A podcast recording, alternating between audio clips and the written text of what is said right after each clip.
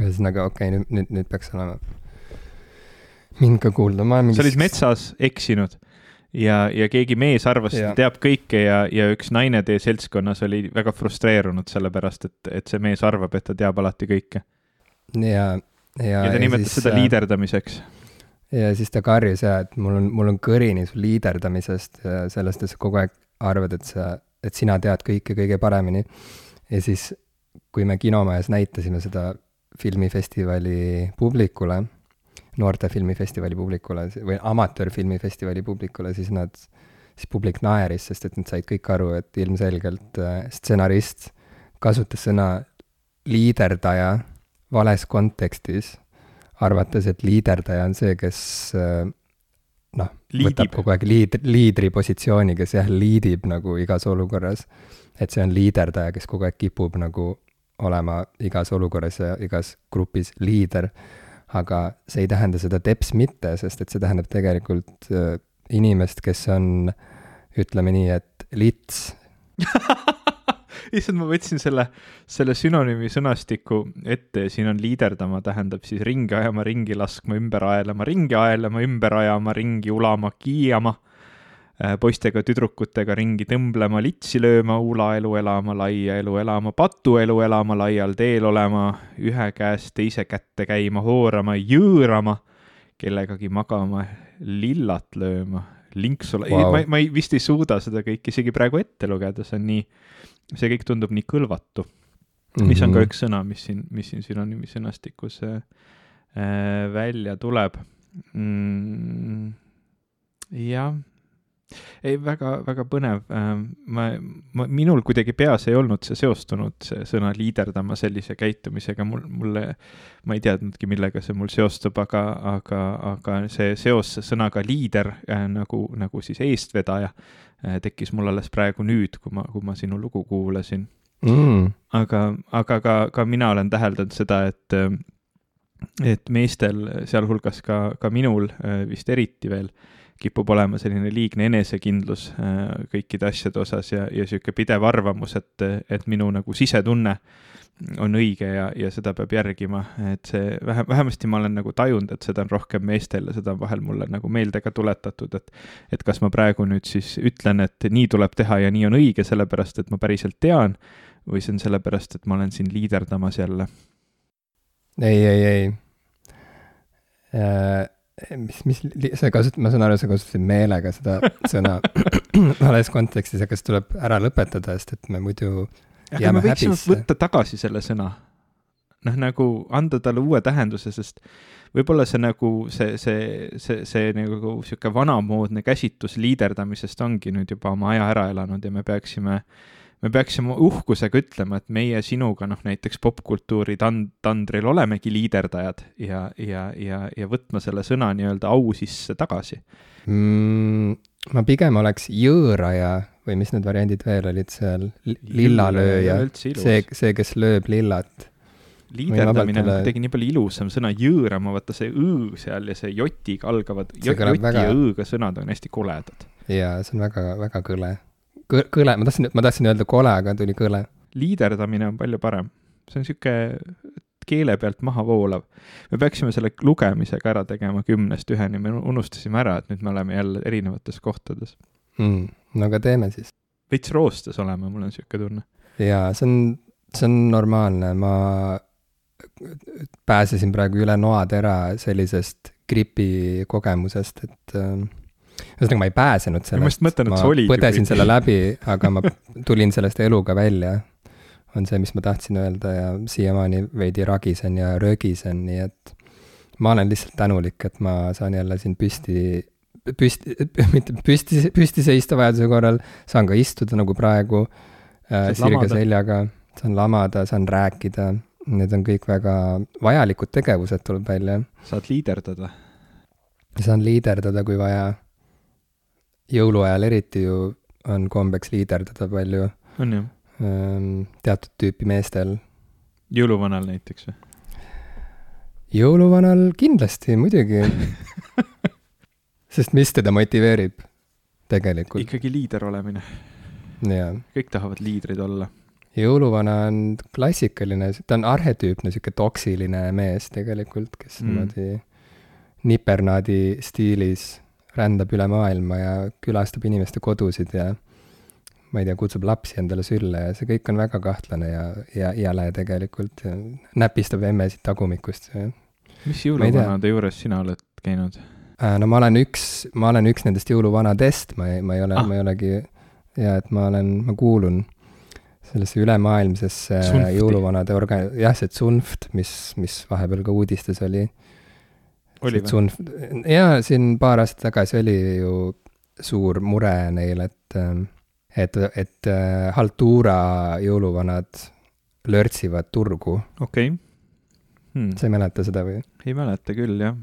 Nad olid nagu väga veider, veider teema, mida nagu käsitleda, et kas iga, kas iga eh, inimene, kes omale, oma laste rõõmuks paneb siis omale valge habeme ja punase kuue selga lörtsib turgu automaatselt põhimõtteliselt jah mm., ja Mm., ja sa pead Zunftilt tegelikult luba küsima kõigepealt ja eelistatavalt palkama kellegi sealt Zunftist, mitte ise hakkama, see on natuke nagu noh, mõtle, kui nõme on ju, kui sa näiteks elad, ma ei tea, Eesti Draamateatrist üle tee ja siis seal tuleb Tšehhovi Kirsiaed välja Kertu Moppel näiteks lavastab ja siis sa mõtled, ah, säästan raha, ma parem võtan raamatukogust kirsiaia ja võtan nagu kapist mingid hilbud nagu viskan oma pereliikmetele selga ja me mängime ise siinsamas Draamateatrist üle tee, teeme tasuta endale kirsiaeda, et noh, see ei ole, vaat see on nagu, see nagu on okei okay ja ei ole ka.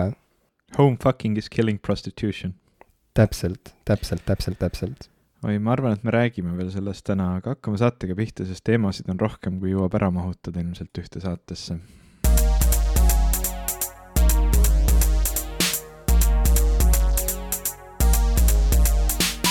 tere, minu nimi on Ivo Krustok tere, mina olen Jim Ashilevi. ja te kuulate saadet. jõõrajad. ei, ma mõtlen, et sa oleks öelnud liiderdajad. jõõrajad on nii kole. No aga mi-, miks, miks, miks peavad jõõra, miks, kas midagi peab üldse olema ilusat jõõrajate juures, see ongi asja point, et see peabki olema otsast ääreni vastik ja eemaletõukav. ega meie sinuga, Jim, oleme ilusad, noh, ma loodan, ma ei tea teiste silmis. teiste silmis, enda silmis võib-olla, teiste silmis not so much mm.. ma ei tea, mul on see enesehinnangu probleem, et enamasti enda silmis ma ei ole, aga äkki keegi teine on minust nagu veel madalama hinnanguga ja seetõttu peab mind, mind või meid ilusaks. mm,. see on alati hea sihuke stardipositsioon, kust, kust kellegi nagu standardid on läheneda, veel madalamad kui minu Jaa. enda omad.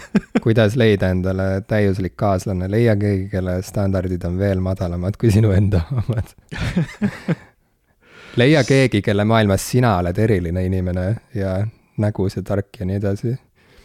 leia see keegi isegi kui end, end, sinu enda maailmas sa ei ole ja mm.. et ähm, noh, nii palju siis äh, suhtenõu siin jõuludeks ja aasta lõpuks inimestele.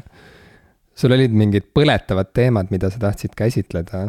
jaa, no ma arvan, et kõigepealt me võiksime võtta lahti oma, oma, oma aasta muusikaelamused Spotify's, mis on siin nüüd meil juba iga-aastaseks teemaks läinud. ja siis sinna juurde tuua ka, ka, ka see teema, millest me varem oleme rääkinud, et miks me võib-olla ei, ei, peaks tundma ennast eh, Spotify kasutamise pärast nii hästi võib-olla alati Mm -hmm. või mis sa arvad? mulle meeldib see teema, ma ise ka, tundsid ennast Äh, halvasti? Ma tundsin ennast halvasti, ma tundsin ennast hästi ja siis tundsin kohe halvasti ennast, aga me saame sellest kõigest rääkida no mitu minutit sa Spotify'd kuulasid see aasta? oh,. ma ei, oota, kust ma ausalt öeldes äh, pärast seda, kui ma hakkasin halvasti ennast tundma, siis ma lihtsalt viskasin kõrvale kõik selle Spotify data et enam ei vaadanud? ja enam tagasi ei vaadanud um,. Kust ma selle enam üles leian, see on kõik ära kadunud, on, siin oli enne esilehel suur mingi nupp või mingi bänner, aga enam ei ole see on vist Ja äh, otsingu, otsingu alt lähed, siis sul tuleb seal vali, valik, et kaks tuhat kakskümmend kaks on wrapped.. Your wrapped is here, oh appi, see läks kohe laulma. mingisugune. ups, vist ei tohi lasta, sest et me muidu, muidu jah, meil võetakse, võetakse maha. saade. eetrist maha. siin tuli see tohutu mingi slideshow asi nagu, kas ma, kas lihtsalt numbreid ei ole võimalik näha siit lihtsalt? ma ei tea, ma ise ka nüüd praegu vaatan seda, seda, et all that listening added up. sa kuulasid kahe tuhande kahekümne teisel aastal äh, kakskümmend kaheksa tuhat seitsesada kolmkümmend üheksa minutit muusikat, mis on rohkem kui kaheksakümmend kolm protsenti teist, teistest Eesti kuulajatest mm. -hmm. I guess see on siis ähm,,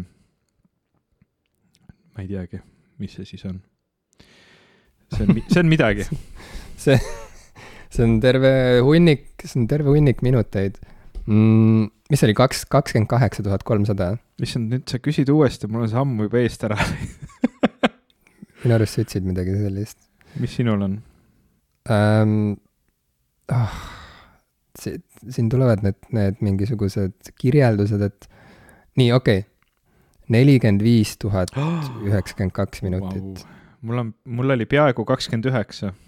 jah, aga mul on rohkem, enam, minu minutite hulk on suurem kui üheksakümne kahel protsendil kuulajatest Eestis mm.. vapustav. see on tõesti vapustav.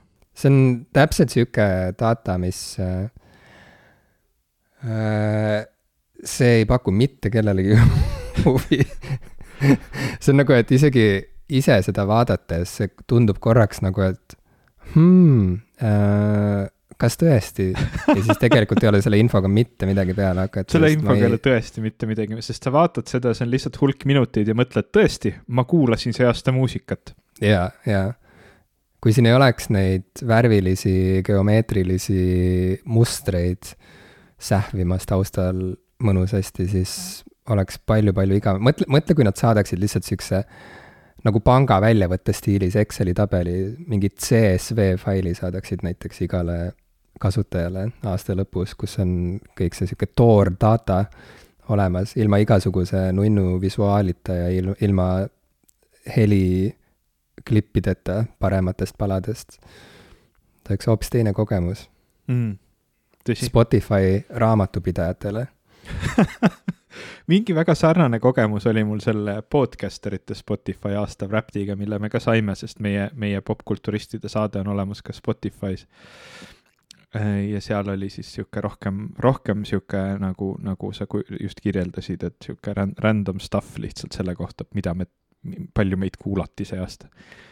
aitäh, et te meid kuulate, seda on iga aasta väga tore tunnistada, et veel, veel mõni inimene kuulab. ja, ja seda oli eriti vahva näha, et mõnel inimesel tõesti popkulturistid oli Spotify number üks podcast, mis on väga vahva. hoolimata sellest, et Spotify on problemaatiline ja sellest me peamegi vist rääkima nüüd kohe. ei oota, kõigepealt võta, võtame seda probleemi vabamalt.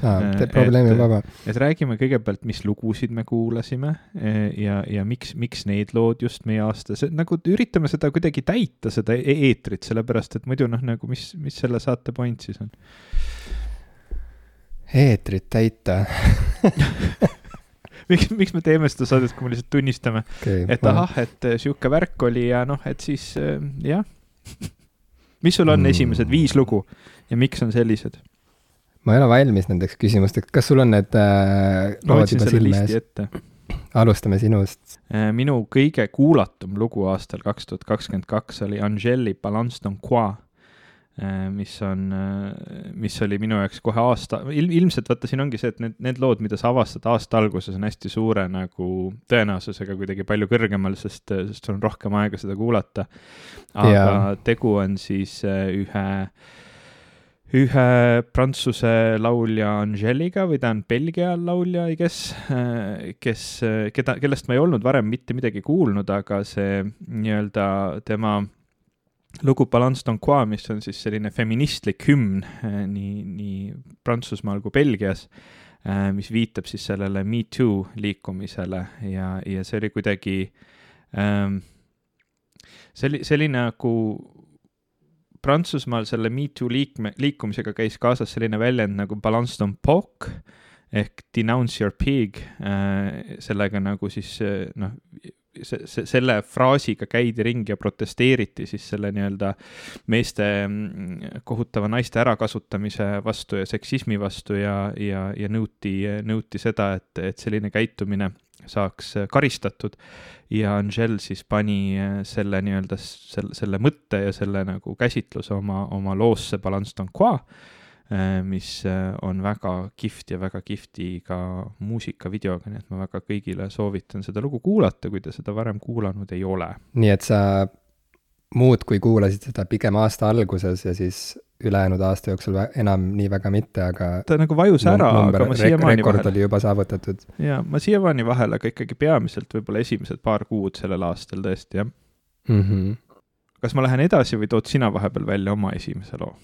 Äh, no teeme vaheldumisi siis äkki. teeme ikka vaheldumisi. aga lihtsalt ma tahtsin siia vahele öelda, et see, see on tõesti mingisugune huvitav asi, mis juhtub, et aasta alguses on alati see tunne, et nii uuel aastal uue hooga ja siis kohe haarad mingitest värsketest, inspireerivatest, uutest ägedatest asjadest, olgu need siis mingid bändid või albumid või sarjad või raamatud, mis iganes mm., inimesed, kui sa oled liiderdaja, siis Äh, hakkad kohe nagu agaralt pihta asjaga ja siis on väga tavaline, et kuskil, ma ei tea, veebruari lõpuks sul on juba kõrini ja siis sa hakkad muude asjadega tegelema, aga selliste Spotify aasta kokkuvõtete kontekstis äh, kipuvad need aasta alguses siuksed kerged siuksed äh, tipud noh, jäämagi ületamatuteks, sest et hiljem juba tulevad mingid muud asjad sisse ja elu läheb jälle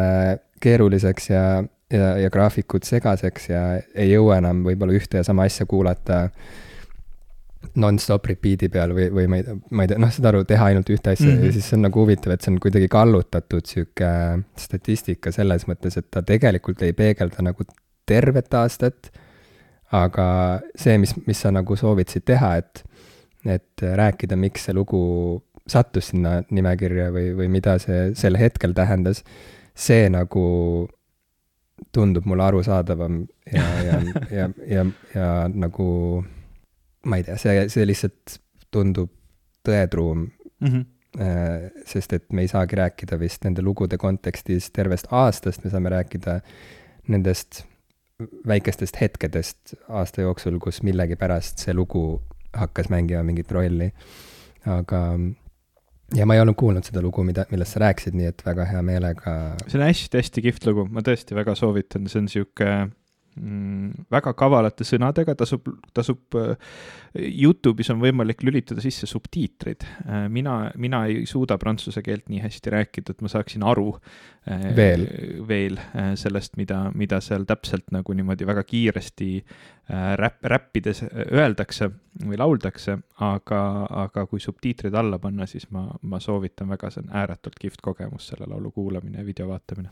Ja kõigile, kellel tekib juba ärevus, et kuhu, kuhu ma üles kirjutan kõik need bändid ja laulunimed, pole vaja muret tunda, me paneme saatemärkmetesse oma need nimekirjad ka, nii et mm -hmm. saab rahulikult siis seal otsida see, sea-, sealt otsida ja, ja vaadata ise siis, kust need lood üles leida, sest et ei pea tingimata kuulama Spotify'st neid. ei.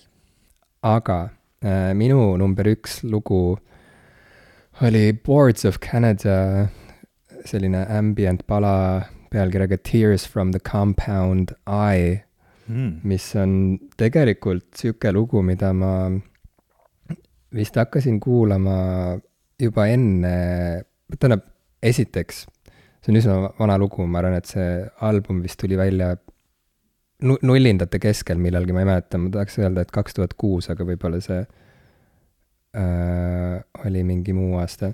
igal juhul Boards of Canada mm, The Campfire Headphase album hmm.. mäletan väga selgelt, kui see välja tuli ja, ja kuidas me vanalinnas seda kuulasime mu sõbra Tõnise juures, kui ta elas vanalinnas ja Boards of Canada on alati minu jaoks olnud väga selline ajarännaku kogemust pakkuv ähm, bänd äh,. Nad kõlavad kõige rohkem nagu nostalgia võiks kõlada mm, -hmm. minu jaoks vähemalt. kui ma kuulan Boards of Canadat, siis mulle meenub alati lapsepõlv umbes sellisena, nagu lapsepõlv võiks unenäos tunduda, selline mingid imelikud abstraktsed pildid sulavad ühte, suvepäike, Pirita rand millegipärast ja, ja see regati, purjeregati ajastu ja. ma mõtlesin regati jäätis. regati jäätis ka tegelikult ja mingid kulunud fotod ja kaduvad mälestused, ühesõnaga mingid nagu film, filmilindile jäänud pildid, mis kaovad ajaga ja, ja sulavad mingiks pruuniks massiks, et ühesõnaga, see on see, mismoodi Tears of, Tears of the Compound Eye ka kõlab paljuski ja, ja eriti kui sõda algas, siis mul mingil hetkel ikkagi mm, oli vaja nagu lihtsalt kõik nagu väl-, välja lülitada või, või oli vaja tekitada endale mingeid siukseid meditatiivseid momente ja, ja, ja oli vaja kuulata midagi, mis, mida ma suudaks kuulata kas või viissada korda järjest ja mis rahustaks mind ja, ja viiks mind mingisugusesse, no kuidagi nagu tooks pulsi alla ja, ja, ja hoiaks mingisugust ühtlast sellist nagu hingamise laadset äh, rütmi, mis aitaks taastada mind mis iganes olukorras ja, ja Tears from the Compound I sattus olema see lugu ja ma tegelikult siiamaani Äh, nüüd ka haige olles kuulasin seda ja märtsis ma olin, ma arvan, et samamoodi gripis väga mm. halb oli olla ja see oli umbes ainus lugu, mida ma üldse suutsin kuulata ja ja tööl sageli, kui juhe on läinud kokku, siis ma olen lihtsalt pannud selle repeat'i peale ja selles mõttes see ei olnud mulle üllatus, et see lugu sinna tippu jõudis, sest ma olen tõesti maniakaalselt palju seda kuulanud, aga jah, ma ei ütleks, et see on samas mingisugune lugu, mida ma ütleks nagu mida ma soovitaks sõbrale, et jõu, see oli mu aasta lemmiklugu, kindlasti kuula, et see mm, -hmm. selle loo, selle loo põhjus, miks ma olen seda kuul-, see on selles mõttes olnud jah, funktsionaalne lugu, et see on olnud minu mingisugune sihuke päästerõngas läbi mm. terve aasta.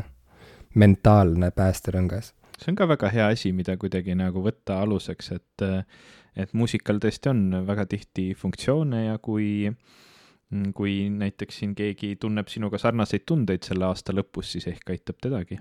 Võib-olla, aga ma ei garanteeri seda, see on väga spetsiifilis-, see on väga spetsiifiline muusika ja, ja see ei pruugi igale ühele sobida, aga mulle sobib väga hästi igal juhul ja on, ja on noh, terve elu sobinud mm.. Boards of Canada on ikka elu, elukestev sihuke eluaegne kaaslane olnud. mina avastasin sinu, sinu selle aasta Raptist, kui sa seda jagasid ühe artisti, keda ma ei olnud üldse kuulanud varem. Eh, aga me vaatame, millal sa selleni jõuad, siis ma saan seda kommenteerida. sa räägid Beyonce'ist või? ei. Eh, aga minu teine lugu on Juliette Armanetti A la folie mm., mis. sa oled väga frankofiilne olnud see kuidagi sellel aastal juhtus niimoodi hea keeleõppega ja kõigega ma kuidagi avastasin väga palju artiste. Avastasid Prantsusmaa kuidagi... enda jaoks ja, ja, Belgia. teatud mõttes ja muu prantsuskeelse maailma. teatud mõttes kindlasti, see on niisugune pikem lugu võib-olla mõneks teiseks korraks, et, et ma olen väga pikka aega olnud prantsuse kultuuri osas selline ähm, noh, minu jaoks oli kuidagi see nagu teismelisena järjekordne, ma olen siin saates vist varem ka rääkinud, et mul on olnud niisuguseid nagu dogmasid elus, mis ma teismelisena mõtlen, et nii maailm on minu jaoks ja, ja siis ma selle juurde lihtsalt jään, ilma et kas selleks oleks mingi hea põhjus või mitte. Ja teismelisena ma olin hästi suur äh, anglofiil, briti kultuur oli minu jaoks kõige olulisem asi üldse, kuna briti kultuuris on nagu naljakas ja, ja levinud äh, visata nalja Prantsusmaa üle, siis mina leidsin, et, et Briti kultuur on äge ja Prantsuse kultuur ei ole, nii et ma olengi väga mm -hmm. palju sellest Prantsuse kultuurist ilma jäänud, mida ma nüüd väga suure rõõmuga avastan. ja Juliette mm -hmm. Armanet äh, on, on olnud üks nendest artistidest, ma mõtlen, et see lugu, mida ma see on, see on hästi äge lugu, sest väga sarnasel viisil nagu sina, ta, ta toob mulle ette mingeid väga nostalgilisi Mm, pilte, eh, mida mul ei pruugigi väga palju üldse nagu isiklikust elust olla, aga ta on väga filmilik, see, kui ma seda lugu kuulan, siis peamine, mida ma kujutan ette, on tead niisugune nagu tantsupeo viimase, viimane, viimased lood, kus on veel mõned üksikud inimesed jäänud ja on selline nagu slow dance peo lõpus, kus noh, nagu see pidu tundub juba nagu läbi olevat, aga, aga on sellised mingid üksikud romantilised hetked nendelt paaridelt, kes on sinna veel jäänud. ja, ja, ja just see lugu nagu loob selle pildi kuidagi eriti, eriti teravalt silme ette aga mm., aga ma kuulasin ühte teist lugu sellelt artistilt võib-olla sama palju, aga kuna seda ei ole Spotify's minu teada, siis, siis ma seda ka võib-olla sinna, sinna listi seetõttu ei saanud. selle pealkiri on Je te sens venir, mis tähendab siis I feel you coming, mis on cover The Weekend'i loost mm.. Ähm, ja, ja see on prantsusekeelne cover The Weekend'i loost ja Juliette on siin muutnud neid sõnu omajagu äh, teistsuguseks, nii et kel, kellel on, on, on julgust, siis soovitan kuulata. Mm.. Cool. no minu teisel kohal olev lugu kuulat-, kuulatavuse koha pealt oli üllatuslikult Tom Yorki Nose Grows Some, mis on jälle ühelt tema äh, varasemalt sooloalbumilt.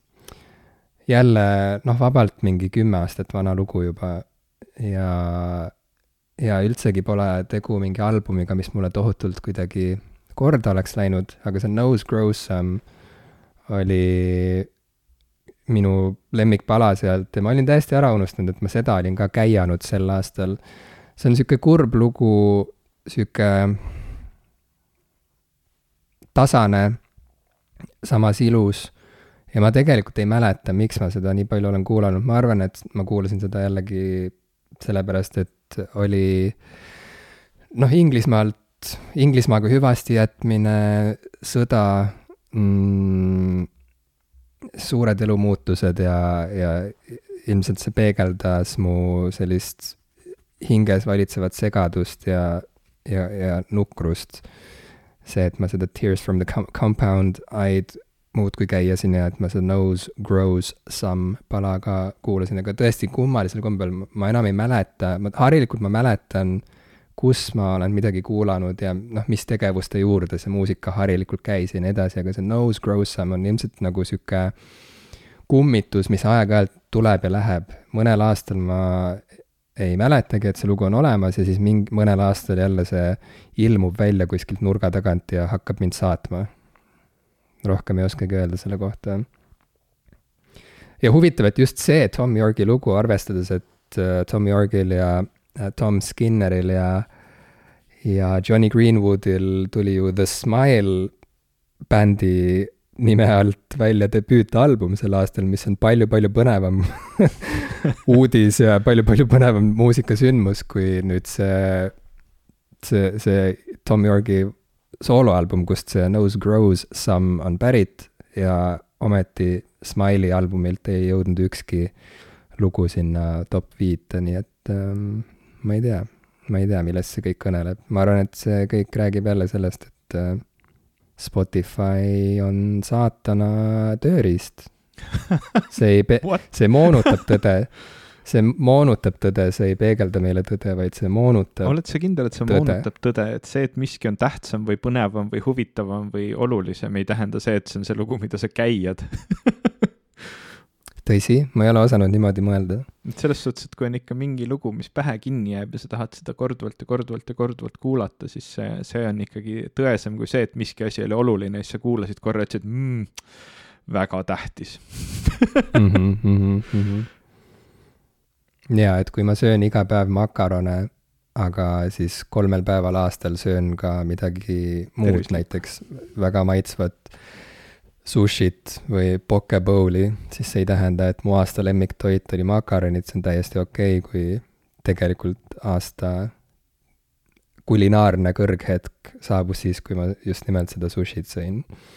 Jah, aga mõlemad ütlevad midagi sinu kohta, et nii see, et kui sa sööd iga päev makaroni, noh, ma, ma, ma, ma ei tea, kumb nagu, kumb rohkem sinu kohta ütleb, kas see, et sa, sa korra aastas nautisid mingit väga suurt kulinaarset tipphetke, mida sa kirjeldaksid kui, kui üks paremaid asju sinu elus, või see, et sa iga päev sõid makarone mu muul ajal, eks ole, et noh, et, et mõlemad ütlevad midagi sinu kohta. mõlemas on oma tõde. mulle ei meeldi, et makaronid ütlevad midagi mu kohta ma tahaks, et mu privaatsus jääks mulle vähemalt söögilaua tagagi. ma ei taha, et mu makaronid ka midagi ütleksid mulle. Your food wrapped Your food wrapped, ma ütlen, see on see, see on see, kuhu mina tõmban piiri. sa sõid see aasta kolmkümmend tuhat nelisada viiskümmend kuus makaroni ja neelasid magades alla viis ämblikku. mis on kaheksakümmend protsenti rohkem kui keskmine eestlane Äh, minu, minu kolmas lugu on äh, selliselt ansamblilt, mida me oleme siin, äh, siin saates ikka väga mitu korda juba, juba käsitlenud väga mitmel viisil. Mm, ja see on esimene inglisekeelne lugu siis selles tabelis, see on Yours ansamblilt King Gizzard and the Lizard Wizard, mis on nende Äh, nende albumilt, äh, ma peangi nüüd korra vaatama, kas see tuli üldse eelmine aasta välja või see on, see on tegelikult üle-eelmise aasta või vabandust, mitte selle aasta album, vaid eelmise aasta album Butterfly Three Thousand, mida, kuna nad annavad nii palju plaate kogu aeg välja, siis ma ei olnudki seda siis kuulanud, kui see välja tuli ja ma hakkasin seda sel aastal kuulama, see on selle plaadi esimene lugu ilmselt, seetõttu ta sai ka nii kõrgele, et ma seda plaati olen mängima pannud väga tihti, aga mitte alati kuulanud väga kaugele, sest mm, -hmm. sest alati ei jõua plaati kuulates selle lõpuni mm,. aga Butterfly Three Thousand on nende selline äh, selline popilikum album, äh, väga hea sihuke sündpop ja, ja ma olen seda hästi palju kuulanud näiteks joostes. Äh, mulle meeldis mm. vahepeal seda plaati kuulata joostes ja Yours on väga, väga ilus lugu sellelt plaadilt. King Gizzard on ikka üks väga huvitav bänd. on küll, jah. ma ei oska muud öelda. Ja see plaat on super hea plaat, ma tõesti, tõesti, kui, kui teie ei ole juhtumisi kuulanud Butterfly Three Thousand'it, siis isegi kui, kui teile ei ole meeldinud ükski teine King Gizzard and the Lizard Wizard'i plaat, äh, siis see on teistsugune, iga nende plaat on teistsugune, aga see on mm -hmm. ka jaa, nende produktiivsus on lihtsalt uskumatu. minu kord jah. kolmandal kohal Toro y moi lugu The Loop mm.. no siin läheb asi juba väga lihtsaks. Äh, ma arvan, et see Toro y moi album Mahal ja, ja järgmisena pildile astuv artist Beyonce, äh, mõlemad, Beyonce album siis oli, mis selle nimi, Renaissance et ma arvan, et need kaks albumit olidki võib-olla mu aasta, aasta albumid paljuski mm. -hmm. seal kõrval on veel albumeid, aga, aga Mahal ja, ja Renaissance, mis juhtus, oli see, et kui ühest küljest ma äh, olin nukker ja murelik tuleviku pärast ja ei tahtnud Inglismaalt ära tulla ja samas oli vaja ja samas tegelikult natuke tahtsin ka ja nii edasi, siis ma väga teadlikult ikka äh, kuulasin ka muusikat, mis ei oleks masendav ja nukrameelne mm. -hmm. ja see on asi, mida ma olen pidanud õppima, sest et see ei ole kunagi olnud mu esimene valik muusika puhul, ma ei ole, mind ei ole tõmmanud sellise reipa ja rõõmsa muusika poole iseenesest äh, kunagi, see on pigem selline ajaga tekkinud oskus olnud ja, ja sel aastal ei läinud selles mõttes üldsegi teisiti, ma tõesti pidin tegema teadliku otsuse, et nii, nüüd ma pühendan natuke aega sellele, et ma uurin, mis album see Mahal õigupoolest on, Toro y Moi tundub ju nii tore mul hakkab alati parem, kui ma kuulan seda muusikat, võrreldes võib-olla mõne muu albumiga, mida ma olen harjunud kuulama raskematel hetkedel, mis tegelikult tõmbab mind veel sügavamasse auku. et võib-olla prooviks teistmoodi ja Mahal ja Beyonce Renaissance on tõesti olnud minu selle aasta sellised vitamiinipommid, need on sellised energiapommid olnud ja, ja need mõlemad albumid pakatavad sellisest elujõust, värvidest mm,, ma ei tea äh,, sensuaalsusest, lustist, kirest, rõõmust, naljast, kõigest sellest, fantaasiast. ja see on, see on nii-nii väärtuslik ja see on tohutu oskus, ma arvan, äh, tuua maailma kvaliteetset kunsti, ilusat muusikat, mis suudab seda inimestes tekitada kõiki neid äh, emotsioone ja neid seoseid, nii et The Loop võib-olla tõesti on üks meeldejäävamaid palasid albumilt Mahal, aga reaalselt tegu on albumiga, mis on otsast lõpuni hea. see on selline album, mis, mis sobib hästi repeat'i peal kuulamiseks, sest niipea, kui see läbi saab, on kohe niisugune tunne, et võiks jälle uuele ringile minna. Mm.. sellepärast The Loop oli kolmandal kohal ja, ja sellepärast viiendal kohal on üks teine lugu sealt albumilt. no ma ütlen selle kohe ära, Deja Vu, siis ei pea seal, see ei pea seal peatuma de, või Deja Vu. Mm nii et need olid minu kolmas ja viies. jaa, väga huvitav, sest Toro, Toroi Moa oli artist, kellest ma ei olnud mitte midagi kuulnud ega teadnud, ma vaatasin sinu Spotify Wrapped'i ja nägin, et ta on väga kõrgel kohal ja võtsin selle plaadi Mahal ette ja kuulasin seda ja sain aru väga hästi, miks tal sul nii kõrgel kohal on, see on suurepärane album.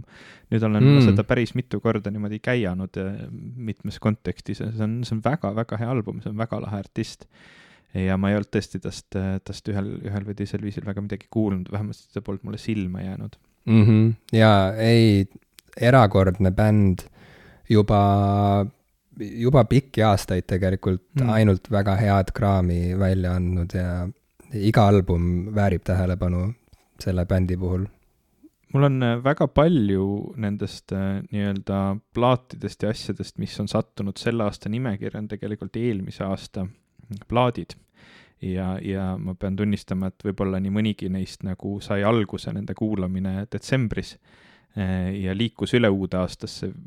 ega ma nüüd täpselt enam kõike ei mäleta, aga mul on tunne, et just selle spetsiifilise plaadiga, mis mul, mis mul on nüüd kohtadel neljas ja viies eh, lugudena, on, on see nii, see on siis ansambel ja plaat Silk Sonic ja, ja need kaks lugu äh, või noh, need, see plaadi pealkiri vist oli An evening with Silk Sonic ja, ja kaks lugu, mis mul siit on jäänud, äh, siis äh, siia kõrgetele kohtadele on Leave the door open ja About last night mm. -hmm. viimasel teeb kaasa ka selline artist nagu Thundercat, keda ma ka väga pole, pole uurinud ega, ega kuulanud, välja arvatud siis nüüd selle aasta lõpus, kui ma võtsin tema selle Mm, viimase väga palju, väga palju positiivset kõlapinda saanud albumi ette hakkasin kuulama.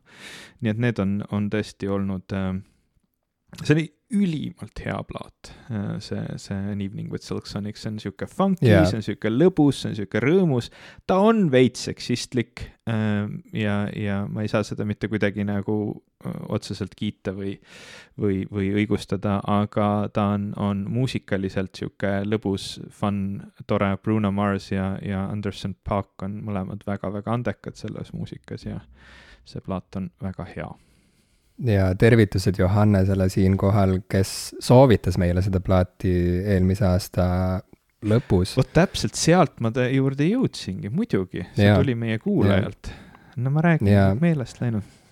Me ei olnud sellest kumbki Ivoga kuulnud ja Johannes kiitis taevani seda albumit ja lo and behold, see oli tõesti väga-väga hea album väga,, väga-väga hea album. ja sinu viiendat me nüüd teame, aga neljas on veel saladus neljas on Beyonce Break My Soul, baby, see on selline lugu, mis kannab inimese läbi igast raskusest. Kui seda kuulata kolm korda päevas ja hoida meeles, et nii on, siis on võimalik kõik raskused ületada, nii et Beyonce caps lock'iga Break My Soul, sel, sellel albumil vist kõik lugude pealkirjad on caps lock'iga kirjutatud, sest et sest, sest et loomulikult. Ja no väga hea album on see Renaissance, midagi pole öelda. Äh, ma ei ole kunagi olnud Beyonce pühendunud kuulaja.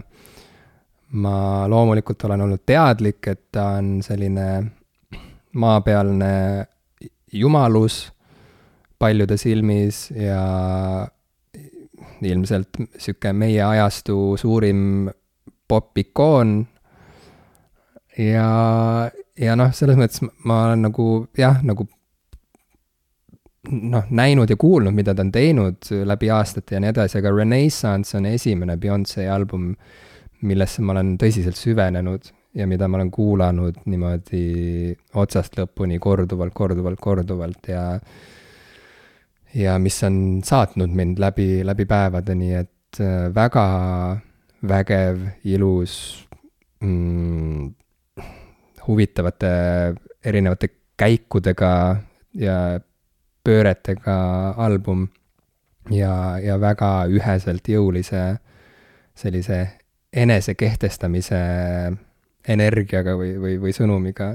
et väga-väga kihvt, noh mm., inimene on teinud albumi, mis lihtsalt tõstab, tõstab iga roju nagu põrandalt üles ja annab talle mingisuguse siukse paneb puusa nõksuma ja annab, äh, annab lootust paremaks homseks põhimõtteliselt et um, Break My Soul on, on sellepärast neljandal kohal minul on äh, nüüd see tabel läbi, aga kuna kaks lugu olid väga ühte, ühte suunda, siis tegelikult ma tahaks oma kuuenda kohaga välja tuua, mis on, on.... kus sa seda näed? ei noh, see, see tul-, ma võtsin selle, selle playlist'i ette lihtsalt. aa, sest ma vaatan seda mis iganes seda, seda väikest postkaarti, mille ah, ai vaatad, pani kokku ma, ei, ma võtsin ikka playlist'i ja... ja minul on siin selline artist nagu Eik, esimene eestikeelne lugu Eesti artist minu tabelis ja tema lugu Kolimiskastid, tema selle aasta albumilt Uduvaip. see on väga hea lugu, see on väga-väga-väga hea album ja ma igal, igal võimalusel soovitan väga kuulata Eiki, ta teeb ääretult mm. head muusikat. Cool. Cool. kas räägime nüüd sellest, sellest Kirke Twitteri postitusest, mida hoolimata sellest, et sellest rääkis Twitter mingi nädal aega, ei, ei pannud sa seda tähele ja sa vist ei käi Twitteris? no kes üldse käib Twitteris praegu? kõik lähevad ära Twitterist järjest minu arust no okei okay,, jaa, fine, see on tõsi, et keegi täna enam nagu noh, sest ma ei, ma, ma, see, see on üks teema, mida me peaksime ükskord käsitlema siin saates, et, et äkki vist nagu me nüüd oleme kõik juba äkki loodetavasti aru saanud, et Elon Musk ei ole nagu geenius, kes, kes on tulnud maailma selleks, et, et seda päästa, vaid, vaid no suhteliselt lihtsalt üks nagu rikas munn. et mm, -hmm. et me, me võib-olla nagu peaksime käsitlema teda vaadates nagu läbi sellise tõeprisma, mitte läbi selle, et ta on ehitanud või, või ütleme siis investeerinud firmadesse, mis on ehitanud rakette ja elektriautosid, et ta tegelikult on suhteliselt e, e, rumal ja ebameeldiv inimene.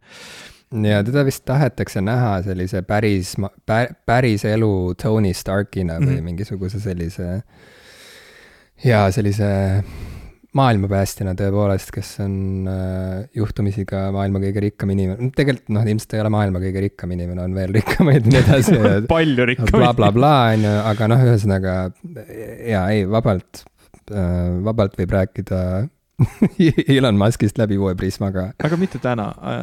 mitte täna võib-olla. sest meil on nii palju teemasid juba ja, ja, ja see on, see on ka üks pikk teema sellest, kuidas nüüd Twitter ei ole enam ei ole enam võib-olla nii tore koht, kui ta varem oli, aga mina endiselt väga hindan Twitterit ja selle, eriti selle Eesti kogukonda, kus siis äh, tekkis üks niisugune siis kui tuli need Spotify Wrapped asjad siin novembri lõpus välja, siis, siis noh, selles Twitteris käivad sellised lained, eks ole, et keegi avaldab mingisuguse arvamuse ja siis vahel juhtub selline nagu imeline hetk, kus, kus see, see asi lihtsalt korjatakse üles ja hakatakse vaidlema ja jaurama ja kommenteerima ja mõtlema ja, ja ise mõtlema ja jagama ja ühesõnaga tekib, tekib niisugune nii-öelda arvamuste laviin mingi asja ümber. et selleks tuleb ära tabada niisugune nagu mm, lihtsalt lihtsalt sihuke õige hetk ja, ja, ja teha mingi õige hot take ja, ja asjad lähevad nagu lendu. ja mhm. mm -hmm. Eesti äh, pianist ja helilooja Kirke Karja Äh, kes teeb väga-väga ägedat äh, muusikat mm, ja on väga lahe, lahe inimene, avaldas pärast seda nii-öelda esi, esimesi pilte, kus inimesed oma neid, neid minuteid, mida me siin ette lugesime, oma lemmikartiste ja lugusid nii-öelda, kirjutas sellise arvamuse, et see Spotify minutitega kelkimine on põhimõtteliselt siis nagu võitlu-, võistlus, et kes on kõige rohkem ebaeetiliselt, see tähendab muusika eest minimaalselt makstes, seda tarbida saanud, jah, küsimärk mm. -hmm. ja mm -hmm. me oleme mhm. sellest teemast siin saates ka varem rääkinud, et kui palju ikkagi noh, nagu mis on, mis on see nii-öelda artisti tasu, et noh, kui palju me hindame seda, seda tööd ja seda kunsti, mis sinna sisse pandud äh, on ja, ja kui palju me hindame seda artisti ja seda loomingut versus see, et me tarbime muusikat lihtsalt sellise nii-öelda laia tarbe mm, tootena, mida on võimalik igalt poolt saada igal hetkel ja, ja selle eest võimalikult vähe, siis noh, tegelikult antud kontekstis põhimõtteliselt lihtsalt niisugune kuutasu, millele sa ei mõtlegi, läheb nagu kogu aeg vaikselt ära ja siis sa kuulad nii palju muusikut, kui sa tahad, et kas see, kas see on okei okay, äh, ja, ja, ja kas see nagu kas see ongi lihtsalt nii, nagu asjad täna on ja me oleme seda teemat nagu mitmel viisil ar arutanud ja ma olen seda ka täiesti nagu reaalselt mõlemalt poolelt nagu vaielnud ja, ja hinnanud. ja ausalt öeldes ma olen jõudnud ise sinnamaani, kus ma lihtsalt enam aus ei, ei teagi. et noh, ma, ma, ma isegi mm. ausalt öeldes ei tea, mida sellest kõigest mõelda, sest siin on nii palju kohti, kus reaalselt ongi see asi läinud artisti, artistide jaoks väga keeruliseks ja toksiliseks, on terve hulk erinevaid muusikateenuseid, mis maksavad erinevaid hindasid ja tasusid aga noh, lõpptulemusena on see läinud, noh, muusika on alati olnud staarimajandus, ehk siis üksikud võimsad ja kõige suuremad teenivad noh, nii-öelda suurema osa kogu tulust eh, ja, ja suurem osa ei, ei teeni peaaegu midagi, aga, aga noh, teatud mõttes on see ka kurb, et noh, me mida kaugemale me läheme sellest, et artistide looming on midagi, mida osta ja omada, noh ka muusikute puhul, et seda nagu keerulisemaks see kõik läheb.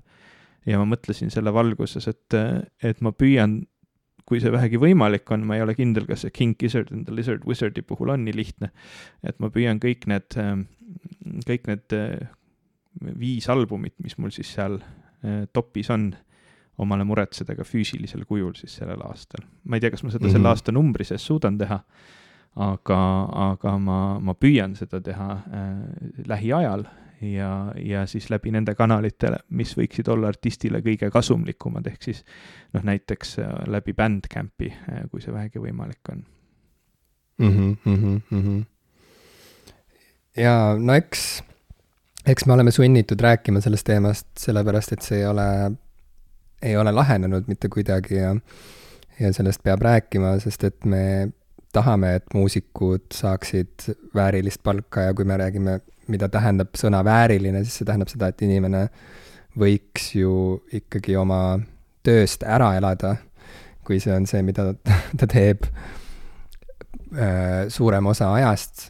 Iga nädal, siis äh, jah, see on nõme, et Spotify artiste lihtsalt niimoodi ära kasutab, tegelikult kasutab ära. Äh, sest et need tasud on absurdsed. ja ma arvan, et inimesed, kaasa arvatud mina sel hetkel, kui ma nägin äh, jälle neid numbreid, äh, üllatuksid, kui nad teaksid, et erinevad voogedastusplatvormid on ka väga erinevate hinnapoliitikatega või, või väga erinevate, ma ei tea, siis tulude väljamaksmise äh, poliitikatega. alustame võib-olla kõige parematest platvormidest, Bandcamp tundub olevat ilmselgelt artistide meelispaik, rääkides sellistest suurtest platvormidest, sest et Bandcamp ei võta nii räigelt vahelt ja Bandcampis on võimalik artiste üsna otse toetada, ostes siis nende digitaalseid faile või siis tellides BandCampi kaudu nende T-särke või, või vinüülplaate või mida iganes.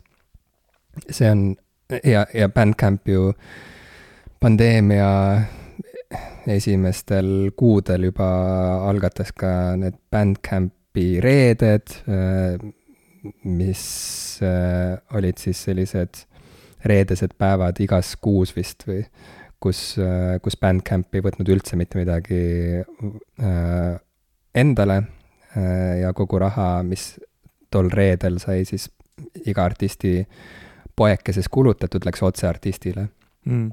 Mm, ja, ja noh, ma rääkisin, et Toro y moi äh, Ma-, Mahal oli üks minu aasta albumitest, ma läksingi kohe rõõmsalt kelkima Instagrami, panin Toro y moi pildi sinna story'sse ja tag isin ta ära ja, ja noh, kirjutasin juurde, et jee, ma olen umbes top fänn ja nii edasi ja siis ma, ja siis ma avastasin, et ma ei ole tema enda Insta kontot vaadanudki vist kunagi mm, -hmm. pole põhjust olnud ja siis ma kiikasin, et mis ta seal teeb ja räägib ja ja nägin kohe, kuidas ta oli järjest pannud story sid äh, selle kohta, kuidas Spotify on väga halb deal artistidele ja, ja, ja noh, Toro ja Moa ei ole maailma kõige vähem tuntud bänd mm. -hmm.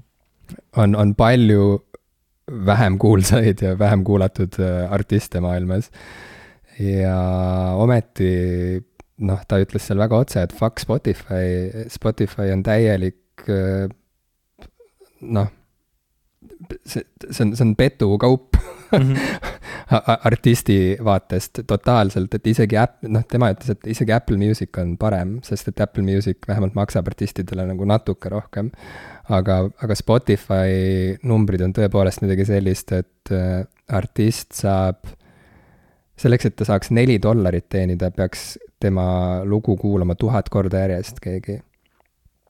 ja, ja noh, neli dollarit on, on ju noh, mis selle raha eest saab, selle, selle eest saab, ma ei tea, kaks, kaks pakki piima või mm, -hmm. või, või ühe, või võib-olla mingit latet, pumpkin spice latet ütleme ei saaks, sest et ma tean, et näiteks, ma ei tea, Reval cafe's maksab pumpkin spice latte, maksis nüüd siin oktoobris mingi nelja kanti või? see oli mingi jah, mingi neli kaheksakümmend või mingi viis kuuskümmend või mingi sihuke nagu jälle sihuke supernumber.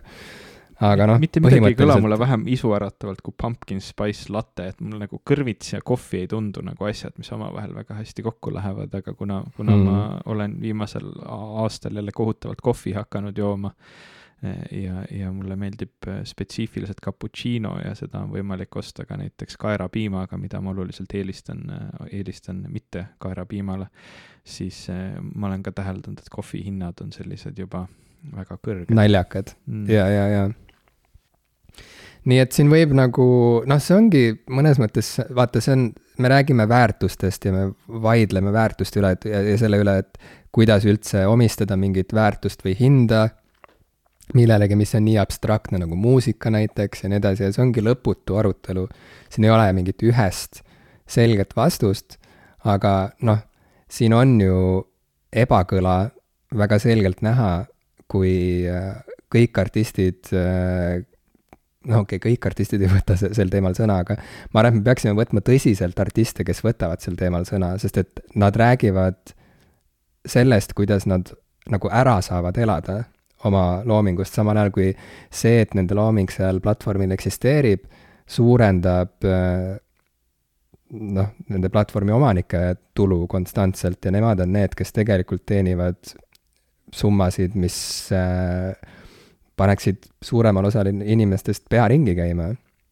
et seal on lihtsalt noh, seal on see vahe ja loomulikult saab jälle nagu hakata vaidlema ka selle üle, et noh äh,, ka see on ju suur saavutus, kui sa oled loonud mingi niisuguse teenuse ja platvormi, mis on andnud lava äh, kõigile muusikutele maailmas põhimõtteliselt, sa ei pea enam leidma endale mänedžeri kuskilt äh, Ameerikast selleks, et pääseda kogu maailma kuulajaskonnani, pane lihtsalt oma lood Spotify'sse ja looda hea õnne peale või looda algoritmi peale ja, ja head asjad hakkavad juhtuma. Aga noh, olukord on lihtsalt nii teistsugune võrreldes selle ajaga, kui, kui veel albumite müügist artistid midagi päriselt teenisid.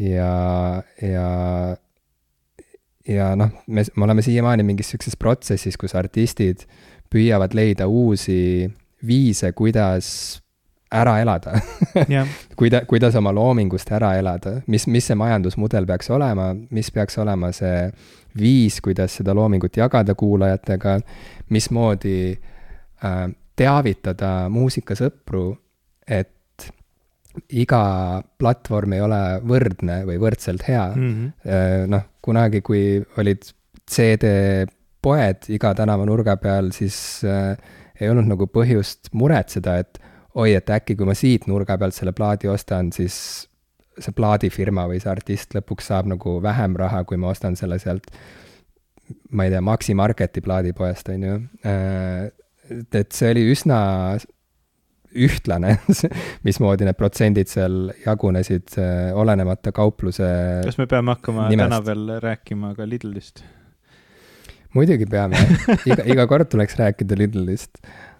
aga, aga nüüd on vahe ja, ja mina pärast seda Toro Moa postituste seeriat ikkagi taas aktiveerisin oma Apple Music'u konto ja hakkasin mõtlema, et võib-olla tõesti ma enam kaks tuhat kakskümmend kolm ei toetu nii väga Spotify'le, sest et sellest on saanud lihtsalt harjumus mu jaoks ja ma mm. ei ole pidanud mõtlema, et mida see, kuhu see raha täpselt läheb, mida ma maksan Spotify'le.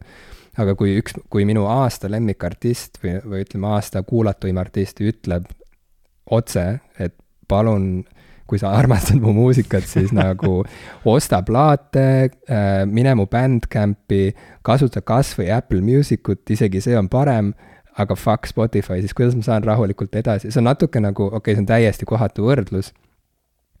okei okay,, see ongi absoluutselt kohatu võrdlus, aga aga lihtsalt mingisugune sarnane, mingil määral sarnane mõtteprotsess käis mul ka selle jalka MM-i ümber, äh, mille puhul kohe, kui ma hakkasin noh, lugema lugusid äh, ja, ja, ja kuulama reportaaži sellest, mismoodi see Katari mm üldse toimuda sai, mida selleks teha tuli mm., kui paljud inimesed pidid sisuliselt orjatööd tegema ja no mitte ja, sisuliselt, vaid otseselt orjatööd tegema. Sisuliselt, otseselt, kaudselt, metafoorselt, igatpidi nagu äh, ja, ja, ja kaot-, ja kui paljud inimesed kaotasid oma elu mm.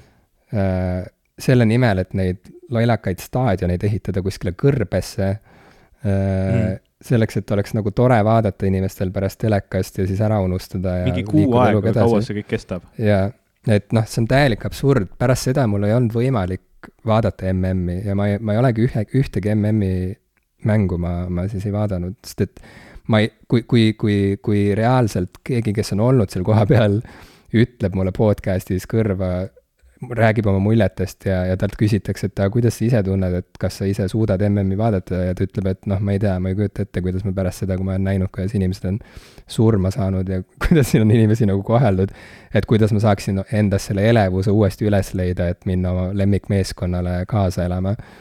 et see ongi jälle nagu selles mõttes sarnane olukord, et kui sa, kui sa mingid, kui sinuni on jõudnud mingisugune teadmine, siis ei ole võimalik enam teeselda, et sa ei tea neid asju või no see on ja. võimalik, aga siis sa lähed iseendaga konflikti. ja et, muidugi, noh, ütleme äh,, mina alati nagu kuidagi rõhutan, et, et et äh, sa võid seda kõike teada ja ikka teha teistmoodi, sellepärast et inimese aju on võimeline, võimeline täiesti vabalt nagu konfliktset informatsiooni oma peas, peas hoida ja mitte nagu olla consistent, et noh, nagu tõsi, see on ka tõsi. noh, nagu et, et see, need, need asjad ei ole nagu üldiselt üksteist väli, välistavad, et kognitiivne dissonants ei ole nagu peatav jõud. Aga, aga vähemalt sa paned alati mõtlema. Ja, ja ma arvan, et see ongi oluline ja ma olen ka üsna palju mõelnud selle peale, sest äh, Spotify'l on väga oluline roll minu elus, see on, on, on täna noh, kuna mul on väga palju erinevaid seadmeid, mis on, mis on väga erinev, erinevate operatsioonisüsteemide ja turvalisu- tur,, turvalisuse kaalutlustel ka väga erinevalt üles seatud, siis ega mul ei ole väga palju erinevaid nii-öelda selliseid muusika kuulamise platvorme võimalik valida, mis, mis igal pool töötaks ja, ja Spotify suur eelis on see, et ta tõesti on igal pool kättesaadav, igal pool toimiv ja ta sisaldab väga palju muusikast, mida ma tahan kuulata aga noh, ka minul on väga keeruline sellest kõigest ümber vaadata, et, et tegelikult need, need inimesed, kelle loomingut ma tahan tarbida, ei pruugi sellest kõigest olla üldse mitte vaimustuses. ja sel aastal juhtus ka üks selline asi, kus kus ma nagu hakkasin jälle tunnetama seda, kui oluline on omada äh, muusikat, sellepärast et seda muusikat, mida sa tahad võib-olla kunagi veel kord kuulata, sa ei pruugi enam leida mitte kuskilt äh,. suri ära üks, üks mu lemmik kantriartiste, Loretta Lynn Äh, mm. kes on, kes noh, oli ikkagi täiesti legendaarne, uskumatult äh, äge äh, artist. Ja ta on teinud ühe plaadi koos Jack White'iga, täpsemini Jack White oli plaadi produtsent ja, ja mängis mm -hmm. palju pille sisse, mis plaadi pealkiri oli Van Leer Rose. ja seda plaati ei ole võimalik mitte kuskilt saada, sa, sa ei leia seda enam mitte kuskilt, aga, aga siis, kui ta välja tuli, noh, ma oleksin saanud ta mulle osta ja ta oleks mul alati ole, olemas olnud nüüd, et, et mul on nagu teatud mõttes kahju. Äh, mul on see plaat olemas, sest sel, sel ajal, kui see välja tuli, ähm, siis, siis ei olnud ka minu meelest üldse veel Spotify kui selline teema, see oli aasta kaks tuhat neli. ja, ja see, kuidas ta minuni, minuni jõudis, oli see, et see kukkus mingi kaubaauto mm, kastist niimoodi ühel suvalisel hetkel välja ja ma, ma leidsin mm. ta maast just, justkui et, et ta on mul olemas, aga, aga mul oli tol hetkel ka väga kahju, et ega noh, ta ta on artist, kes sulle meeldib, sureb ära, mis on tüüpiline käitumine äh, tänapäeva sotsiaalmeedia kontekstis, sa postitad sellest, jagad lugu, näete, kui, kui äge artist oli, äh, teed väikese sellise meenutuse, mälestuse. ja, ja seda ma ei saanudki väga lihtsalt teha, ma otsisin küll, aga olid ainult suhteliselt kehva, kehva heliga versioonid eh, olid näiteks Youtube'is olemas, et, et seda kõike teha. ja teine selline artist, kes, kellega on tegelikult eh, veidi sarnane lugu, on Riho Sibul, eh, kes samuti mõni aeg tagasi ära suri ja, ja kelle kaotus mind ikkagi tegi kohe mitmeks päevaks üsna, üsna kurvaks. Ähm, mm. sest ta on mänginud nii olulist rolli minu elus, mu äh, isa vist absoluutne lemmikbänd, kui ma üles kasvasin, oli Ultima Thule. Ja, ja, ja Riho Sibula hääl, tema muusika, tema kitarrimäng, tema looming on mind saatnud läbi kogu mu elu. Ja kui ma kirjutan täna Spotify'sse otsingusse Riho Sibul, siis ma ei, ma ei saa siit neid plaate kätte, poeet külmet-, külmutab Klaasmäel ja, ja Must ja ja nii edasi ja nii edasi, et, et tal on terve hulk loomingut, mida ma lihtsalt ei saa täna internetist kätte nii, nii kergesti mm, -hmm. kui ma mhm. sooviksin. Õnneks on, kuna mu isa on olnud suur Riho Sibula austaja, siis need plaadid on mul olemas kodus äh, vanemate juures, aga, aga neid ei ole mul siin. ja neid ei ole mul kaasas iga seadmega, millega ma liigun, nii et, et see see on ikka niisugune omajagu teema, milles ma püüan nüüd mingit uut tasakaalu leida, võib-olla see mõte, et ma võiksin vähemalt need lood või need albumid või need asjad, mis mul on aasta jooksul kõige enam pakkunud, noh, midagi eh, ma võiksin ikkagi tegelikult ju omada. ja, ja siin ma ühtlasi näen sellist korduvat motiivi meie mõlema eludes, mis ühest küljest ta on niisugune kahevaatuseline motiiv esimene vaatus on see, et mul on, et asju on liiga palju, ma ei taha, et mu elus oleks nii palju asju, ma tahan vabaneda asjadest. me kolime ka päris annan... palju, to be fair. mida? ja me kolime, aga kolimine, kolimine aitabki mõista, kui palju tarbetut kola me veame kaasas endaga mm. igal pool ja kui, kui palju lihtsam oleks, kui lihtsalt oleks vähem asju. ja siis sealt algabki kogu see kampaania, et hei sõbrad, ma annan oma DVD-d kõik ära, tulge võtke, mis soovite, hei, mul on siin raamatuid, mida, mis otsivad oma lugejaid, tulge võtke mm -hmm. ja nii edasi, nii edasi. ja siis järsku tundub ülitore see, et vau wow,, mul on tegelikult ju vaja ainult sihukest, ma ei tea, peopessa mahtuvat väikest seadet nimega telefon ja selle telefoni sees on mul igas olukorras tegelikult kõik maailma palad äh, käepärast ja see tundub täiesti nagu mingi võluri positsioon, see on konkreetselt mm. nagu mingisugune Gandalfi privileeg. et äh, mõtlen millestki ja siis kohe saan. ja siis sealt liigud jälle sinna teise vaatusesse, sest et sa hakkad aru saama, et aa see, see, see teenus, mida Gandalf seal telefonis kasutab, selle tegi Sauron tegelikult. Ja võib-olla tegelikult oleks äge vahel maksta kunstnikele otse, mitte anda raha Sauronile ja, ja usaldada, et ta päriselt ka läheb, viib selle, selle raha kohe nendele muusikutele, nendele moosekantidele edasi To be fair mm., selle tehnoloogia, mida kasutab Gandalf, tegi Eru, Eru Iluvitar, aga olgu, olgu nii. okei no ma pean ma pean, ma pean sind lihtsalt usaldama praegu selle koha pealt, sest et absoluutselt ma ei mäletanud seda detaili Sõrmuse vennaskonna saagast. Erut vist ei käsitleta väga palju, ta on Silmarillionis välja toodud, tema, tema on siis nii-öelda selle, selle maailma, mille Tolkien lõi, siis see põhijumal või see, see ainu, ainus jumal, see, see kõige looja on mm., on Eru il, Iluvatar mm.. Mm. okei okay no ühesõnaga. Anyway. faktiline viga faktiliseks veaks, pigem ma tahtsin kujundlikult kõnelda. Ja, ja sellepärast moonutasin natukene tõde. aga jaa, ja siis tuleb see teine vaatus, kus tekib ikkagi tunne, et ei, nii hea on ju osta muusikult otse muusikat, nii hea on omada albumeid, mõelda nende peale kandagi neid endaga kaasas läbi elu ja siis äh, leida uuesti tee nendeni mingites üllatavates olukordades.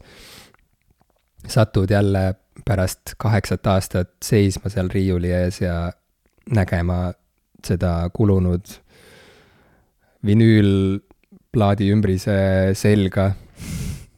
ja järsku meenub midagi, mis sa arvasid, et sa oled juba unustanud ja nii edasi, me oleme sellest kõigest rääkinud nii palju. ole nägemine ja katsumine, kuidas see, kuidas see talletub mällu hoopis teisiti ja kuidas see aktiveerib hoopis teistmoodi inimese fantaasiat ja, ja, ja mälu. aga jah, ei, siin ei ole mingit ühest vastust, ma arvan, et lühike järeldus, mida siit teha, on lihtsalt see, et võiks kaaluda alternatiive Spotify'le, ega muud ei olegi Äh, äh, me, me me ei ütle siin praegu, et voogedastusteenuste kasutamine kui selline on halb ja kahjulik, see ei ole tõsi. Äh, pigem on siin peamine sõnum see, vabandust, et, et voogedastusplatvorme on erinevaid ja tasub uurida, kuidas nad üksteisest erinevad eetilisuse ja, ja ma ei tea, aususe koha pealt. Et kui, kui, kui muusika on inimesele armas, siis võiks ju, siis võiks ju püüda ka seda armastust viia nende muusikuteni parimal viisil, nii et nad ei kannataks ja et nad ise ei tunneks, et äh, neid lihtsalt, kuidas see tweet oligi, et et nende muusikat lihtsalt suure, suure armastusega varastatakse järjest. et kes on kõige rohkem ebaeetiliselt, see tähendab muusika eest minimaalselt makstes seda tarbida saanud. jah, just, just. jah, no Kirke pärast seda tweet'i sai meeletult palju erinevat vastukaja, noh, mis, mis oligi enam-vähem kogu spektris ja ja noh, ise hiljem ka natukene täpsustas seda arvamust ja, ja, ja avas seda et, et võib-olla see sõnastus või, või valitud viis seda, seda teemat käsitleda polnud äh, kõige kõige, nagu paremini noh, valitud või, või kuidas iganes, aga, aga ma arvan, et, et see point, et tegelikult noh, mida sina ka välja tõid, et on hea tegelikult, et seda teemat tõstatatakse, et, et sellest, seda käsitletakse, käsitletakse, et sellest räägitakse, et noh, me oleme tegelikult ju reaalselt ikkagi veel ajastul, kus Eesti Tööandjate Keskliit peab, peab vajalikuks tulla välja reklaamiga, et hobihariduse omandamise, omandamine maksumaksja kulul peab lõppema ja seal on pilt muusikust, mängust, maalijast ja tantsijast, eks ole, et noh, et mm -hmm. olgem ausad, me ühiskonnas tegelikult päriselt ikkagi läbivalt ei oska hinnata seda väärtust, mida, mida kunst ja, ja, ja looming meile tegelikult päriselt äh, toob. et me, me armastame küll käia Estonia teatris ja rääkida Arvo Pärdist kui rahvuslikust aardest, aga, aga me tegelikult nagu ei mõista, kust see tuleb, kuidas see tuleb ja, ja mis ühiskonna mõttes selleks vaja on ja, ja kui palju sellest, mis on meie riik, meie ühiskond, meie kultuur, tegelikult tulebki täpselt sellest, et meil on väga palju erinevaid inimesi, kes sellesse panustavad, kes püüavad seda teha kui, kui, kui oma elutööd ja, ja kui oluline neile on, et, et selle eest ka äh, noh, siis ollakse nõus äh, ka, ka rahalist väärtust, mis on meie ühiskonnas oluline, andma. et, et äh, Kirke ise seda lahkab põhjalikumalt äh, Märt Koikiga, Märt Koiki siis striimis, mida, mida ma soovitan ka kuulata, et see on, on, on väga mm, tore arutelu nende kahe vahel ja kindlasti saab seda teemat palju põhjalikumalt teada mis, mis stream see oli, see, see ei olnud siis Võhmarite podcast'is, vaid see oli kuskil mujal. äh,, Märt Koik äh, lihtsalt teeb ise siukest äh, ma ei tea, kas tal on sellel vist mingi nimi ka, ma korra kiiresti otsin. Mm, minu meelest see oli keldri, keldristriim või midagi siukest. Ehm, ta teeb siukseid live stream'e ka mingi aja tagant ja, ja selle, sellel korral oli tal siis külas Kirke Karja, see video on tal välja lõigatud ka sellest stream'ist, saame selle märkmetesse panna. et mm, Märt mm, okay. räägib Kirke Karjaga Spotify'st mm,. Ehm, aga tal on jah sihuke, sihuke mm, ma ei leiagi seda nime siit üles, tavaliselt kui ta, kui ta on striimimas, siis see viskab ette. keldri kolmapäev mm, -hmm. jah, keldri kolmapäev paneme lingi, saate kuulata, Märt Koik on ka väga kihvt. Nonii. veel üks teema, mida ma tahaksin siia muusika otsa kohe rääkida, sest see on hästi otseselt sellega seotud. ja see on minu viimase aja obsessioon Miley Cyrusiga. Jim, kas sa oled kunagi Miley Cyrusit kuulanud? ma ei ole kuulanud Miley Cyrust mitte kunagi. mida sa temast no, päris tead? niimoodi, et hmm, istun maha, kuulaks Miley Cyrust, loomulikult ma olen näinud mingeid videoid, ku-, kuulnud kuulsamaid palasid.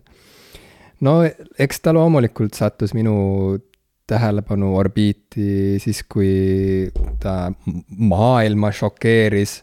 riid, riided seljast ära võttis ja kui ta, kui ta jah, oma riided seljast ära võttis ja mingit kuvaldat lakkus ja, ja siis selle suure tal oli see video Wrecking Ball mm, -hmm. kus mhm. ta kiikus siis niimoodi väga napis riietuses selle suure maja lammutuspommi otsas, aga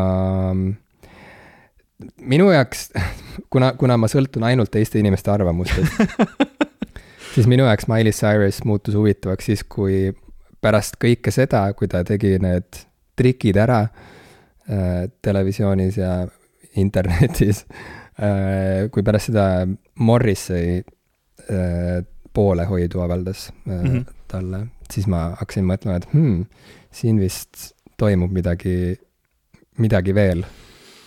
vot mina ka tegelikult peale aastat kaks tuhat kolmteist, kui ta andis välja selle loo Wrecking Ball ja, ja tegi MTV Music Awardsil siukse kurikuulsa esinemise Robin Thicke'iga. Robin Thicke, kes mulle üldse kohe ei meeldi, kes tundub kohutavalt ebameeldiv artist inimene. aga noh, võib-olla see on ainult sihuke väline, väline kuvand ja, ja, ja ma teen talle praegu liiga, aga, aga Robin Thicke'iga mul ei ole mingit sellist erilist huvi tema vastu tekkinud.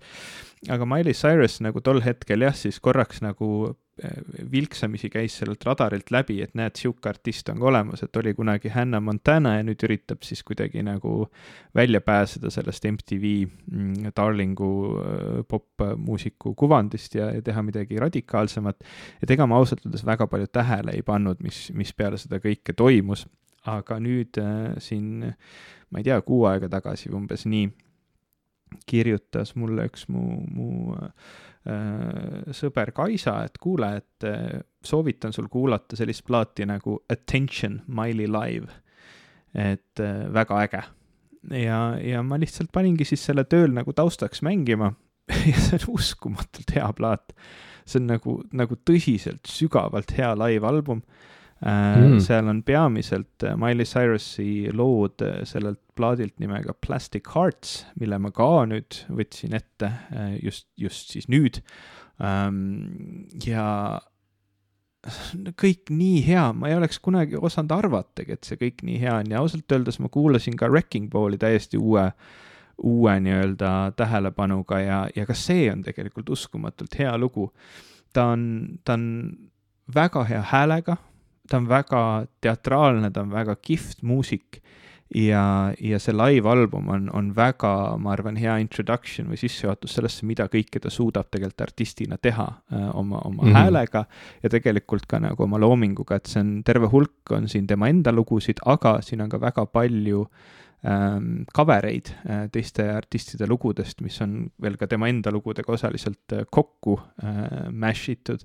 et näiteks tema enda lugu We Can't Stop on, on kokku pandud looga äh, Where is my mind, mis on Pixiesi lugu tal on väga-väga-väga hea cover loost Heart of Glass mis on loomulikult loomulikult Blondi lugu ja, ja ausalt öeldes Wrecking Ball on niisama ka uskumatult hea lugu, aga kui ta on kokku sulatatud Prince'i looga Nothing compares to you, siis see on kohe veel palju parem, et see kõik nagu toimib uskumatult hästi ja, ja ka noh, ütleme, mulle meeldib ka tema popp-produktsioon, aga siin laval on ta ikkagi korraliku rokkbändiga ja, ja see kõik kõlab kokku väga võimsalt ja noh, ka Wrecking Ballis, et see see, see sissejuhatus on sellel lool ju küllaltki minimalistlik ja rahulik ja kui esimene refrään tuleb sisse ikka niisuguse tõsise nagu live-bändiga ja kooriga, siis see kõlab, noh, see kõlab lihtsalt väga võimsalt ägedalt. Mm. Et, et ma olen nüüd nagu püüdnud, püüdnud teda avastada siin plaadi kaupa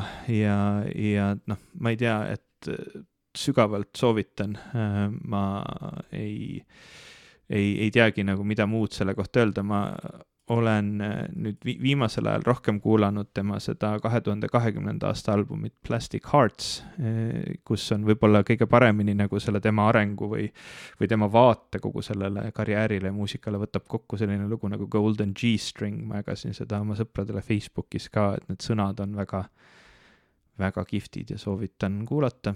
ma olen täna nii palju muusikasoovitusi teinud, et täitsa kohe uskumatu väga äge, mulle meeldib, et meil on üle pika aja selline muusikakeskne osa. meil on olnud väga hea muusika-aasta tegelikult, ma arvan, et me mõlemad võime rahule jääda sellega, mis me oleme leidnud, mis, mis meid on äh, saatnud läbi nende kuude. Ja muusikast on vaja rääkida.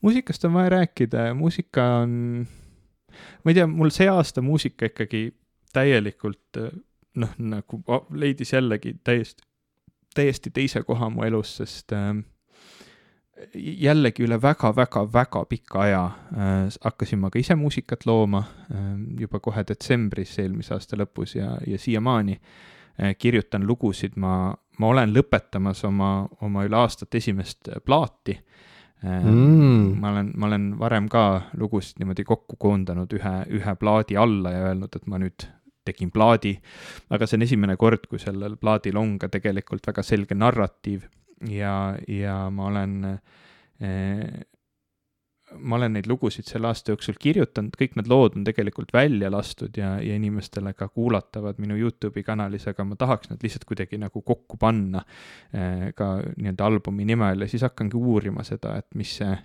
mis see parim viis seda kõike jagada siis on, sest, sest ma tahaks ka, et mu albumeid oleks võimalik kuulata nendelt platvormidelt, kus, kus inimesed muusikat kuulavad ja kuna minu muusikat kuulatakse nii vähe, et, et ma ei teeni selle pealt mitte üheltki platvormilt mitte midagi, siis ma ilmselt panen ta ka Spotify'sse, kui ma saan aru, kuidas see üldse käib või mm -hmm. kas sellest peab maksma või kui palju ja kuidas see toimib, et ma, ma püüan selle kokku panna, sest, sest see on olnud nagu väga äge nagu kuidagi kuidagi taas jälle leida endas selle, et ma tegelikult isegi oskan lugusid kirjutada ja, ja, ja neid, neid kokku panna ja produtseerida. Ja mitte kõik nendest pole olnud äh, superägedad teosed, aga, aga ma kandideerisin sel aastal ka Eesti Laulule.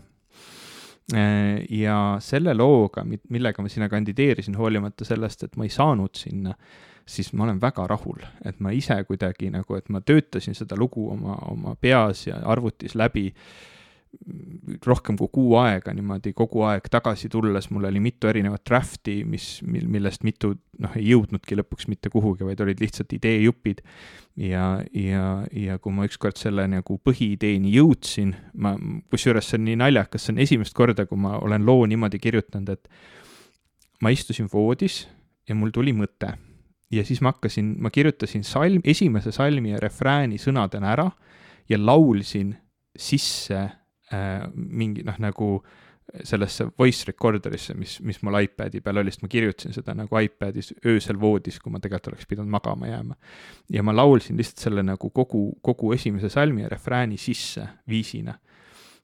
Ja järgmine hommik siis noh, võtsin akustilise kitarri ja vaatasin, mis akordid seal on ja hakkasin siis nagu selle põhjal tegema ja ja leidsin alguses, et okei okay,, et see, mis ma praegu nüüd teinud olen, on liiga niisugune lihtne poplugu ja kirjutasin tegelikult suure osa nagu salmi meloodiast ja, ja taustast ümber, et jättes nagu selle esialgse mõtte küll alles, aga, aga pannes sinna mingisuguse teistsuguse asja juurde, et et ma tunnen lõpuks, et see, mis ma suutsin teha, oli selline enda nagu niisugune omapärane stiil ja niisugune nagu lihtsalt eurolaulu popi stiil tegelikult omavahel päris hästi ühendada ja see oli väga, väga kihvt protsess, mulle õudselt meeldis tegelikult seda Eesti lugu kirjutada. Mm.. see kõlab nii lahedalt, mul on nii hea meel kuulda, et sa oled selle muusika tegemise soone uuesti üles leidnud ja et sa päriselt oled jõudnud seda kõike teha, see on arusaamatu mu jaoks tegelikult, arvestades, et sul on olnud üks elu tihedamaid aastaid ja et sa oled rääkinud, et sa pead võtma natukene rahulikumalt äh, ma mhm. ei kujuta hästi ette, kuidas seda kõike oled jõudnud, aga see on nii tore, see on lihtsalt nii tore, et sa oled selle koha endas üles leidnud uuesti ja et see, et see niimoodi jätkuvalt äh, on püsinud alles, see, see kihk ja see ideede tulv. No vot, see ongi niimoodi olnud, et ma olen sellel aastal välja andnud kümme lugu mis on natukene vähem kui, kui kuid sel aastal. vahepeal ma olin tempos, kus ma olin natukene kuude arvust ees ja siis ma, eriti selle nagu Eesti Laulu kirjutamisega, et mul neid mõtteid seal tekkis mitu, aga ma ei arendanud ühtegi neist lõpuni, sest ma ei, noh, ma otsisin seda, seda õiget mm,. aga mul on üks lugu veel, mis sellel ajal sündis, mida ma praegu olen lõpetamas ja siis ma tahaksingi nagu kuidagi selle aastaga nende lugudega nagu joone alla tõmmata, ma ei tea, kas ma, kas ma nagu väga et noh, ma ei tea, kuhu see looming mind edasi viib, et ühest küljest ma tahaks leida mõned inimesed, kes oleksid nõus minuga bändi tegema, et ma saaksin võib-olla neid lugusid ja oma järgmisi lugusid ka laivis rohkem esitada aga noh, ma ei, ma ei ole kindel, et mul selleks ka tegelikult päriselt aega on. et noh, sa, nagu sa ütlesid, mul on olnud ikka kohutavalt tihe aasta ja kohutavalt raske aasta nagu kõige muu osas, mu elu, elus ei ole nii palju muutunud ilmselt mitte noh, ma ei tea, või pär-, pärast seda, kui ma lõpetasin keskkooli, et siis, siis muutus elus nii palju, kui, kui viimasel ajal on, viimasel aastal on muutunud et ma ei tea, kas ma nagu seda tempot üleval hoian, aga mul on hea meel, et ma kuidagi nagu äh, ma vist õppisin endas leidma mingeid kohti, mis, mis võimaldavad mul ennast rohkem loominguliselt väljendada, õppisin ka, ka lugusid palju paremini kirjutama, et on nendest kümnest loost või, või üheteistkümnest, mis varsti valmis on, ma olen päris mitmega väga rahul ja mm., ja usun, et need jäävad mulle meeldima ka pikemas perspektiivis. muidugi niisuguse täieliku shillimisena ma panen ka oma viimase loo, mis, mis on siis minu see Eesti Laul By Your Side, panen siia saatemärkmetesse ka, et ka meie kuulajad seda kuulaksid muidugi pane, kas see oli, kas sa seda lugu tahtsid esitada ka meie kuuenda sünnipäeva laivil, kui Mihkel ei, Raud käis külas? see oli Heis, mida ma siis tahtsin esitada, aga lõpuks ma mm. kuidagi tundsin, et see, see ruum kuidagi ei olnud, või noh, ühesõnaga, et, et ma, ma tajusin, et see ei olnud võib-olla lihtsalt õige hetk, et hakata sealt nagu fono peale laulma. Äh, aga, aga sellest hoolimata ma ikkagi mõtlen seda laivi Heis on väga hea lugu, mulle väga meeldib see lugu. jaa, ka mul on ta üks lemmikumaid kõikidest nendest, mis ma seni, seni kirjutanud olen. kui ma vaatan neid äh, lugude kuulamise numbreid, äh, siis enamus mu lood on sinna kuhugi saja kuulamise kanti. Äh, ja, ja Heis on kuskil kolmsada kuuskümmend kuulamist ja, ja see, mis ma sinu õe Sandra Ashileviga salvestasin, Anticipation on, on kolmsada kaheksakümmend neli, nii et see on populaarsem lugu, aga mulle Heis endale meeldib rohkem mm. -hmm, mm -hmm. mis me siis kokkuvõtteks, mis me muusika-aasta kokkuvõtteks ütleme, peale selle, et otsige alternatiive Spotify'le ma ei tea, kuulake muusikat, I guess, muusika kuulake muusikat, jaa. et kindlasti, kindlasti see hool-, hoolimata sellest nagu tasu poolest lõpptulemusena ikkagi on hea, kui inimesed kuulavad muusikat kuulavad palju muusikat ja käivad kontserditel ja, ja, ja kogevad muusikat ka, ka laivis ja, ja leiavad äh, muusikale olulise koha oma elus. ja elavad oma elu ka, ka muusika abil, nagu, nagu sina väga ilusasti välja tõid, et on, on albumeid, on lugusid, mis sind on väga rasketest hetkedest sel aastal lihtsalt läbi vedanud. et see ongi ju muusika selle kõige paremas, paremas tähenduses ja, ja vormis. tead, mis mind endiselt üllatab iga kord, kui ma seda avastan, et sa pead ütlema, et no või ei. no, mis see on siis? Äh, see, kui ma kuulen, et keegi inimene ei kuula muusikat päriselt ja see on tõesti väga keeruline asi, mida mõista. aga inimesed see on alati erinevad. nii üllatav, inimesed on väga erinevad ja selles mõttes noh on ju väga palju inimesi, kes ei loe aastas ühtegi raamatut näiteks läbi, see on täiesti harilik, see ei ole midagi, see, see, ma ei tea, või mingil hetkel olin ma sellises kohas omadega, kus mind oli õpetatud mõtlema, et sellised inimesed umbes ei vääri tähelepanu ja neid tuleks kuidagi, et nad on kahtlased või mis iganes. aga, aga ma enam ei suuda niimoodi mõelda isegi, sest et ma olen, noh, ma olen suhelnud nii paljude inimestega, keda raamatud lihtsalt ei huvita, ei kõneta, kellel, kellel, kel-, kelle puhul kirjandusel puudub oluline koht nende elus, neil on mingid muud asjad, mis neid ähm, inspireerivad, rõõmustavad, mõtlema panevad ja nii edasi. et äh, ühesõnaga, et see, see, et keegi loeb raamatuid, ei tee temast automaatselt äh, paremat inimest kui, kui kellestki teisest. No tegelikult teeb, aga, aga ma pean seda ütlema viisakuse pärast. Uh.... kas see, et ma loen väga palju raamatuid, aga ei lõpeta peaaegu ühtegi nendest, teeb minust hea või halva inimese? see teeb sinust pigem, vaat need on nagu need RPG, need headuse, see on see headuse hal- ja halva skaala, et see neutral good, chaotic good, ma ei tea, mis seal kõik asjad veel on, vaata, et sa, sa oled sihuke. Lawful evil, neutral evil. jah lawful good, lawful evil. sa oled siis, ma arvan, et sa oled lawful evil, kui sa loed raamatuid, aga lõpuni ei loe. ma, kas see ei ole mitte chaotic good või? ma arvan, et sa tahaksid olla chaotic good, aga tegelikult sa oled lawful evil. Lawful evil, okei okay. hästi um,. ma mõned loen ära, kas see siis on äkki lawful, lawful uh, neutral või ma ei mäleta, mis see sul vahepeal oli. Ma ei tea, ma arvan, et see võib olla järgmise saate teema, et me teeme sulle selle isiksuse testi. ma ei ole kindel, et me saame seda saadet veel ära lõpetada, sellepärast et A, su laps veel magab ja B, mul on äh, räägitud äh, nendest äh, teemadest veel rääkimata on kaks, nii et. Ei, me ei peagi lõpetama veel. Äh, ma ei tahtnud sihukest muljet üldse jättagi, lihtsalt võib-olla seda lawful good ja lawful evil teemat ei pea täna nagu ära lahendama aga, aga äh, ma tahtsin öelda seda, et ühesõnaga, et alati, kui ma kohtun kellegagi, kes ütleb, et äh, et ta, et ta, et tal pole õrna aimugi, mis albumilt mingid lood on pärit või et isegi inimesed, kes nagu ühesõnaga, on nii palju inimesi, kes ei kuula muusikat päris niimoodi, et oh, ma nüüd lähen ja kuulan seda või mis iganes, muusika on lihtsalt mingisugune heli taustal ja, ja mul on olnud väga lähedane inimene äh,, väga lähedane sõber oli, oli selline, kelle puhul me lõõpisime nagu, et, et ta ei kuula muusikat, ta lihtsalt kuuleb seda. ja ta ise ka nagu nentis, et noh, nii on lihtsalt jah, et mind ei huvita mind ei huvita muusika nagu, et mul on noh, selles mõttes mul on ükskõik põhimõtteliselt, et, et mõni pala kõlab nagu hästi, mõni ei kõla hästi, aga see ei ole mingisugune eraldi teema nagu tema elus et mis bände ma see kuu kuulasin, mingi kelle kontserdile ma suvel lähen nagu, et lihtsalt puudub see koht nagu selle inimese elus.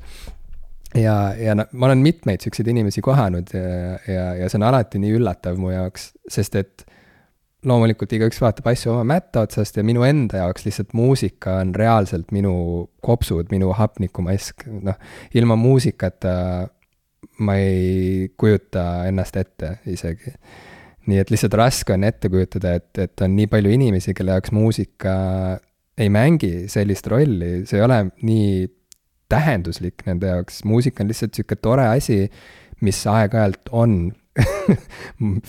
mõne, mõne, mõne, mõnes filmis või, või mingi reklaami taustal või ma ei tea, poest läbi kõndides kuuled midagi ja siis rohkem ei mõtle selle peale, kui parklasse jõuad.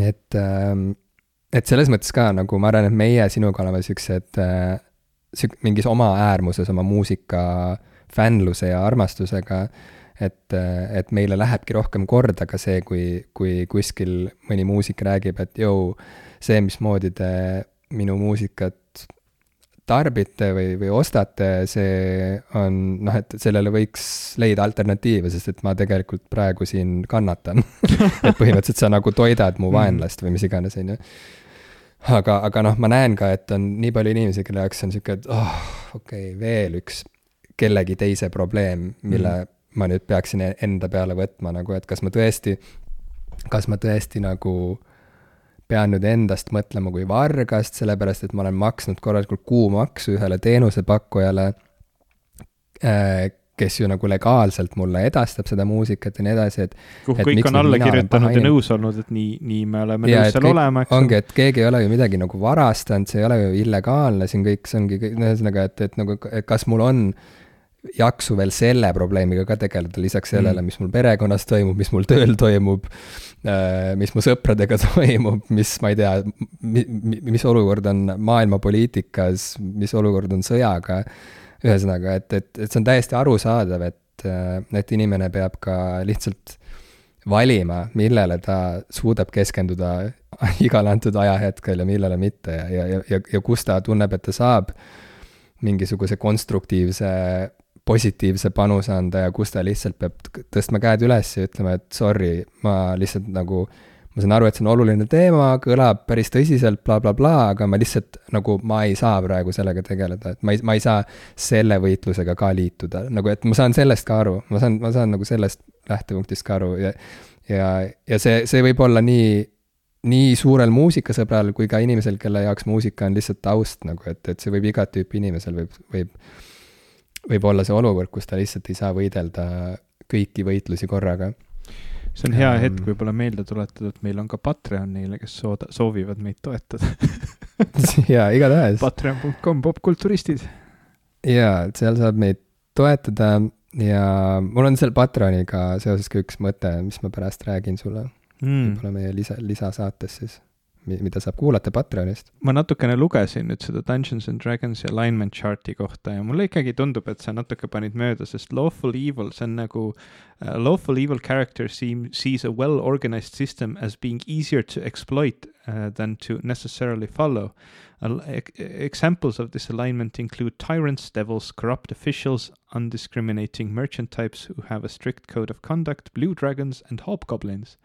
Ja mina, mina, mina, mina pigem käsitlesin ennast kui chaotic good, äh, kes on siis a chaotic good character does what is necessary to bring about change for the better, disdains bureau- bureaucratic organizations that get in the way of social improvement, and places high value on personal freedom, not only for oneself, but for others as well. näed, see tundub mulle palju õig-, õigem selline inimene, kes küll alustab raamatuid ja, aga, aga ilmtingimata ei pruugi neid alati lõpetada mm. -hmm no olgu, kuna on mhm. veel sihuke harras jõulumeeleolu äh, hõljub veel natukene siin igal pool, siis ma nõustun sinuga ja, ja ei hakka sind äh, nimetama, tembeldama teemoniks. hästi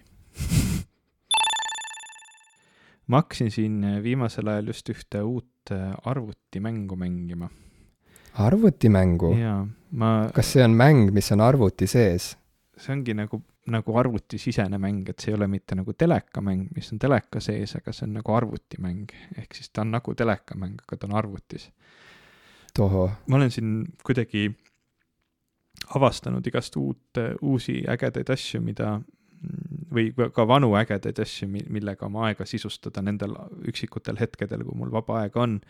üks sihuke põhilisem asi, mida ma armastan teha, et, et praegu nagu chill ida, on, on äh, Netflixist äh, sellise saate vaatamine nagu Gilmore Girls, mida ma ei, ei vaadanud siis, kui väidetavalt kogu muu maailm seda vaatas mm.. aga, aga mida ma nüüd väga naudin, sest see on kõige armsam ja nunnum sari üldse mm ma ei tea, kas sa oled vaadanud kunagi Gilmore Girlsi? ma ei ole vaadanud, aga minu abikaasa on suur Gilmore Girlsi fänn olnud alati. vaadake koos, see on siinkohal ka, siinkohal ka tervitused Raelile, kui sa kuulad, kui sa juhtumisi praegu kuulad, siis Rael, ma tean, et Gilmore Girls on ka sinu elus mänginud väga suurt rolli ja sa ise vist isegi oled Gilmore Girl nii et Äh, tervitused sulle siinkohal mm aga, aga siis, kui ma olen sellises tundes, et ma ei taha mitte ainult diivani peal lösutada ja, ja mingit sellist äh, nunnut asja vaadata, vaid tahaks midagi selle ajaga ka teha. Äh, ja ma parasjagu ei, ei tee muusikat või videot või tööd või, või hobitööd või, või loen, et siis ma, siis ma olen leidnud endale uue arvutimängu, mida mängida, selleks on Pentiment. Ma avastasin selle sedasi, et mm, see on jälle taaskord, läheme tagasi sinna Elon Musk'i maailma. Aa, et Elon Musk soovitas? ei, äh, Twitterisse, äh, kus on selline populaarne mm, Eesti Twitteri, ma ei tea, kuidas seda siis kutsuda ähm,, sots-, sotsialiit või, või socialite või, või siis nii-öelda, kuidas neid inimesi kutsutakse, ühiskonna, ühiskonnategelane Okei. sihuke ku- kuulus inimene nagu äh, keskaja inimene Mm. kes, kes on selline mm, in, inimene, kes on suur keskaja entusiast siis ilmselt mm. -hmm. nagu me kõik. nagu me kõik ja tema tegi äh, Postimehe kultuurisektsioonis tegi arvustuse sellisest mängust nagu Pentiment.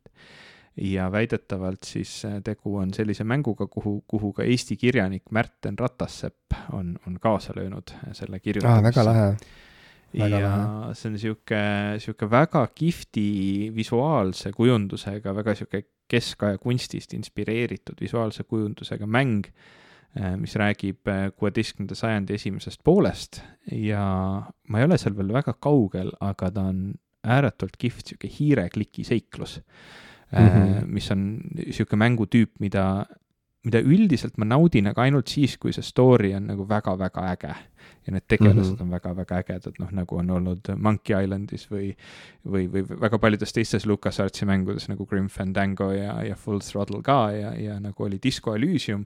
ja tegelikult sarnasest siis noh, nagu sellises väga kihvtist maailmast ja, ja, ja väga nagu lahedate tegelastega liinist tuleb ka siis see Pentiment et mm -hmm. ma, ma ei oskagi tast veel hetkel väga palju rääkida, sest ma tõesti olen alles esimeste tundide mm, nii-öelda, äh, esimeste tundide juures selles mängus, aga ma, vaatame, et äkki mängi, mängid sinagi, äkki mängivad ka osad meie kuulajad ja siis on järgmistel kordadel sellest võib-olla isegi rohkem asja rääkida.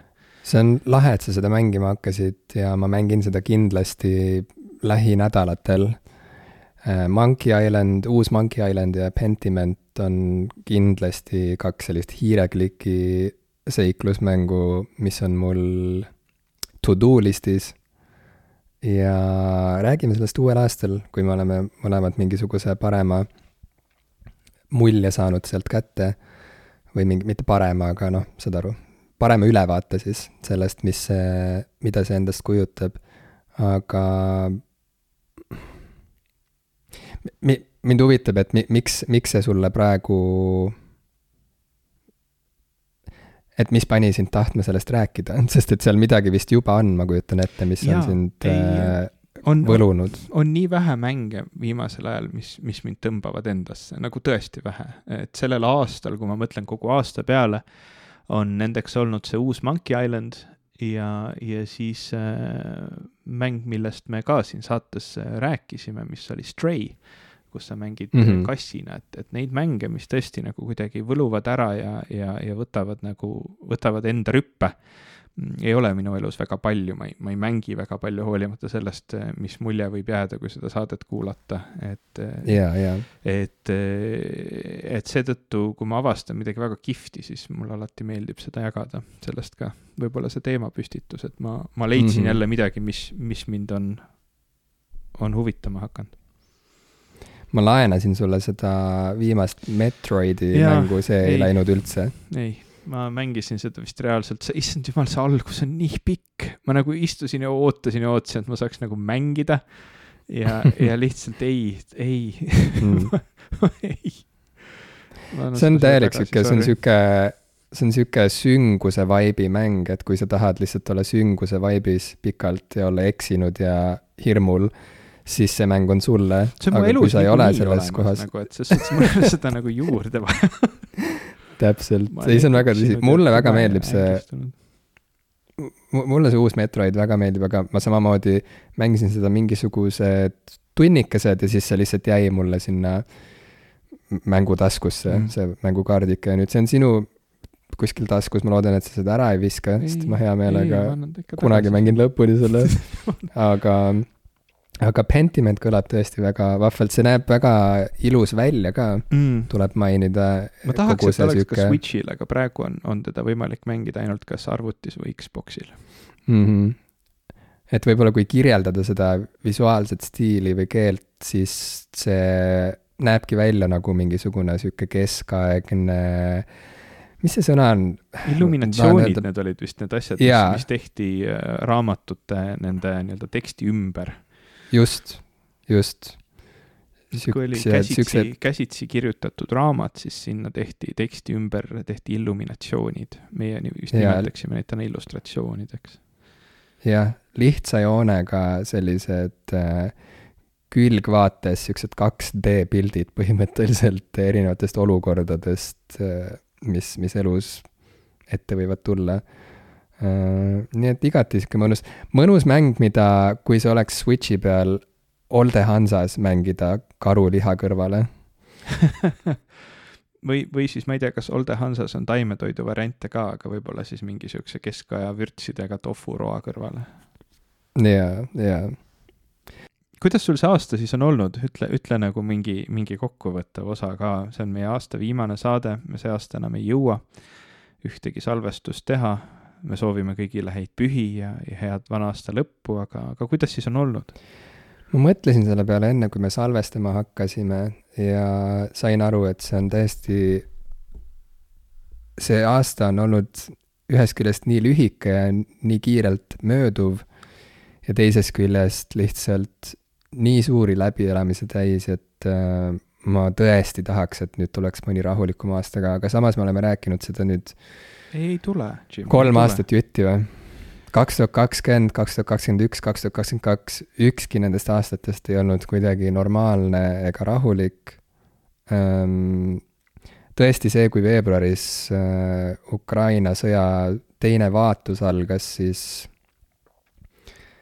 see tundus nii üle jõu käiv nagu reaalselt nagu mingis eksistentsiaalses mõttes. see tundus nagu kõige jaburam asi üldse äh, mida ette võtta hetkel, kus pandeemia paistis olevat nagu öö, lõppemas, selles mõttes vähemalt, et öö, vaktsiin oli olemas ja inimesed teadsid juba paremini, et mida teha ähm,. nii et, et kuidagi kogu see sõja foon ja, ja igapäevane tragöödia ja trauma ja, ja kuidagi kõik see elukohavahetus, ühest riigist teise kolimine jälle, jälle kõikide asjade nagu ümbersättimine, ümberhäälestumine, see kõik on olnud väga, ütleme nii, et see aasta raputas läbi. ja nüüd mul siin aasta lõpus oli ka väga tõsine gripp, mis ei kestnud küll kaua, aga ikkagi ma olin täiesti siruli maas ja noh, võimetu rääkima ja kõndima paar päeva et ma tunnengi nüüd lihtsalt kuidagi nagu mingisugune hüljes, kes on äh, kaldale kuidagi jõudnud tagasi ja sihuke tunne, et ma lihtsalt laman kõhuli ja, ja vaatan horisondi poole ja loodan, et sealt ei tule midagi järgmist veel jubedamat mm. kui see, kui see rännak, mis siin nüüd selja taha just jäi. Noh, ma ei tea, et see on nagu minu, ma ütlen sulle ausalt, selle aasta, minu selle aasta suurim leid me oleme sellest rääkinud ka, aga tuleb rääkida uuesti, sest et see on oluline. minu selle aasta suurim leid oli see, et ma, ma hakkasin sporti tegema uuesti mm. -hmm. ja, ja kui ma seda poleks hakanud tegema, siis no siis ma oleks leidnud midagi muud ilmselt, aga, aga, aga see on, ma arvan, see on nagu kõikidest äh, variantidest parim, mis, mis sai mm -hmm. juhtuda, oli see, et ma hakkasin trennis käima mm -hmm. ja et ma sain lõpuks kolmekümne kaheksa aastasena teada ja sain aru. et sport on oluline. mida, et sport on oluline, et mida, mida, mida trenn saab pakkuda inimesele, mi-, millist tuge ja millist äh, jõudu ja, ja rõõmu mm -hmm. saab sellest tulla ellu juurde ja, ja kui, ja kui määravalt see vaimset tervist ka toetab nõus. seda ma olin kogu aeg kuulnud, ma olin kogu aeg seda kuulnud, inimesed kogu aeg ütlesid mulle, kui sul on halb olla, siis kõigepealt nagu vaata üle kriitilise pilguga, kas sa magad piisavalt, kas sa sööd normaalselt, ehk normaalselt siis, ehk siis kas sa sööd tervislikult mm, -hmm. kas sa liigud piisavalt, kas sa liigutad ennast, kas sa mm -hmm. trenni teed, et need on need kolm asja, mida sa kõigepealt pead nagu mm -hmm. üle vaatama. kui üks neist on lappama läinud, siis on juba üsna selge, et kust see probleem mm, -hmm. pro probleem nagu alguse sai, on ju ja kusjuures sellest kolmest, mis sa välja tõid, juba ainuüksi see, et sa magad normaalselt ja liigud natukene, on juba nagu meeletu, meeletu improvement on life. et sealt edasi meeletu. nagu on, on juba järgmine küsimus. meeletu, nii et äh, tõepoolest, kõige selle segaduse ja kaose ja, ja hirmu ja ärevuse ja mille kõige veel, äh, selle kõige kohal särava tähena näitas mulle teed sport. kes on spordijumal ähm,? Nike oli, Nike oli ju, kas ta, kas Nike ei olnud? Hermes. spordi. aga Nike oli ju ka. Nike? kuidagi ta oli, ta oli kuidagi spordiga seotud Nike on Kreeka mütoloogias äh, võidu, võiduga seotud. No vot, mul on Nike riided, kui ma trenni teen, siis mul on Nike riided seljas. aga Hermes oli, oli seotud siis äh, Vana-Kreeka mütoloogias rändurite, lambakarjuste, maismaarännu, kõnemeeste, kirjanduse, kavaluse, luuletajate, spordi, kaalude ja mõõtude ning varaste jumala ja jumalate sõnumitoojatega inimesena, Hermes mm. -hmm no vot. selline kokkuvõte mm. minu poolt. Mul on kahju, et me saadet ei teinud nii palju, kui me tahtsime, aga yeah. see on arusaadav samas, sest et meil on tõesti olnud täiesti jaburad aastad, juba viimased kolm aastat ja mitte ainult meil, tuleb välja, vaid praktiliselt igal inimesel, kes elab planeedil Maa, on olnud viimased kolm aastat jaburad mm,. ja aina hullemaks läheb. Mm, seda on lohutav kuulda. ei no eks me harjume sellega. siin aasta lõpu saates äh,. jaa, kuidas, kuidas sina oma aastat kokku võtaksid, Ivo? eelmise aasta lõpus ja noh, ma ju, ma ju teadsin, et mul tuleb põhimõtteliselt selline aasta, nagu ta, nagu ta tuli, et detsembrikuus ma, ma olin lahutanud, ma teadsin, et ma vahetan töökohta ja ma teadsin, et ma ei vahetan elukohta, mul oli vaja saada valmis maja, aga ma teadsin juba tol hetkel, et sinna majja ma elama ei lähe. Et, et ma nagu aimasin, et see aasta saab olema väga Mm, väga erinev kõigest, mis, mis seni oli olnud ja, ja ma mäletan, ma kirjutasin Facebooki postituse selle kohta, et nagu võttes kokku seda eelmist aastat ja va vaadates siis selle aasta peale ma, ma panin sinna postituse juurde Iirise loo Wild Unknown Thing ja nimetasin, et ilmselt ootab mind ees Wild Unknown Year yeah.. Ja, ja eks ta suuresti nii on ka läinud, et, et ühest küljest on paljud asjad mul, mul selgemaks saanud, ma olen mingit kindlust enda sees oluliselt rohkem kasvatanud, mingit julgust enda sees oluliselt rohkem kasvatanud, kui, kui ma isegi pidasin võimalikuks ja, ja olen, olen hästi palju arenenud ja, ja hästi palju nagu noh, edasi liikunud, aga selle kõige kõrval olen ma ikkagi päris palju pidanud ka erinevate hirmude ja, ja ootuste ja, ja ebakindlusega tegelikult sõda pidama, et see on niisugune naljakas asi, kus sa ühest küljest nagu tunned, et sa kasvad kindluse mõttes enda sees, julguse mõttes ja samal ajal tegelikult ega need ebakindlused, mis, mis su elus on varem olnud ja, ja, ja mis sind võib-olla noh, mida sa tegelikult väga kardad, et, et need võivad ikkagi tulla mingitel ajahetkedel nagu väga jõuliselt tagasi ja, ja ja noh, kui näiteks eraelus ma olen, ma tunnen, et ma olen mingis mõttes enesekindlamaks muutunud kui kunagi varem, siis näiteks samal ajal tööelus noh, ka need väljakutsed, mis said sellel aastal vastu võetud, on, on ikkagi seda ebakindlust väga-väga palju noh, nagu ikkagi söövitanud kohati mm.. et, et see on niisugune nagu mixed bag, nagu kõik need asjad, nagu kõik need metsikud ja, ja teadmatud asjad, et, et on nii hea kui halba. aga ausalt öeldes ma arvan, et seda aastat ma jään mäletama veel väga kaua ja, ja ei ole väga palju asju selle aasta juures, mida ma kahetseks, et on väga, väga, pigem just olnud väga, väga palju kasvatav ja arendav aasta. Ja ilmselt äh, väga paljuski on ka mitmed asjad selgeks saanud, muuhulgas ka see, et, et sport on oluline ei tahaks nagu ainult seda nagu esile, esile tõsta siin, et sport ei ole mitte kõige olulisem ja, ja antud kontekstis näiteks tõstame esile ka jälle taaskord seda, et jalgpall võib olla tore, aga see, et mm on Kataris, ei ole, ei ole tore yeah. et jah, ühesõnaga on olnud äh, tõesti niisugune metsik tundmatu aasta. nüüd, nüüd on juba palju sellest ka, ka tuntumaks saanud, aga loomulikult mitte kõik ja ja eks järgmine aasta ilmselt saab, saab olema selline selginemisaasta mitmes mõttes, et et see aasta oli kuidagi niisugune, et keerame kogu oma elu pea peale ja vaatame, mis siis saab. et äkki järgmine aasta siis hakkavad mingid asjad omale taas uut kohta leidma ja, ja tekib ka mingi, mingi rahu.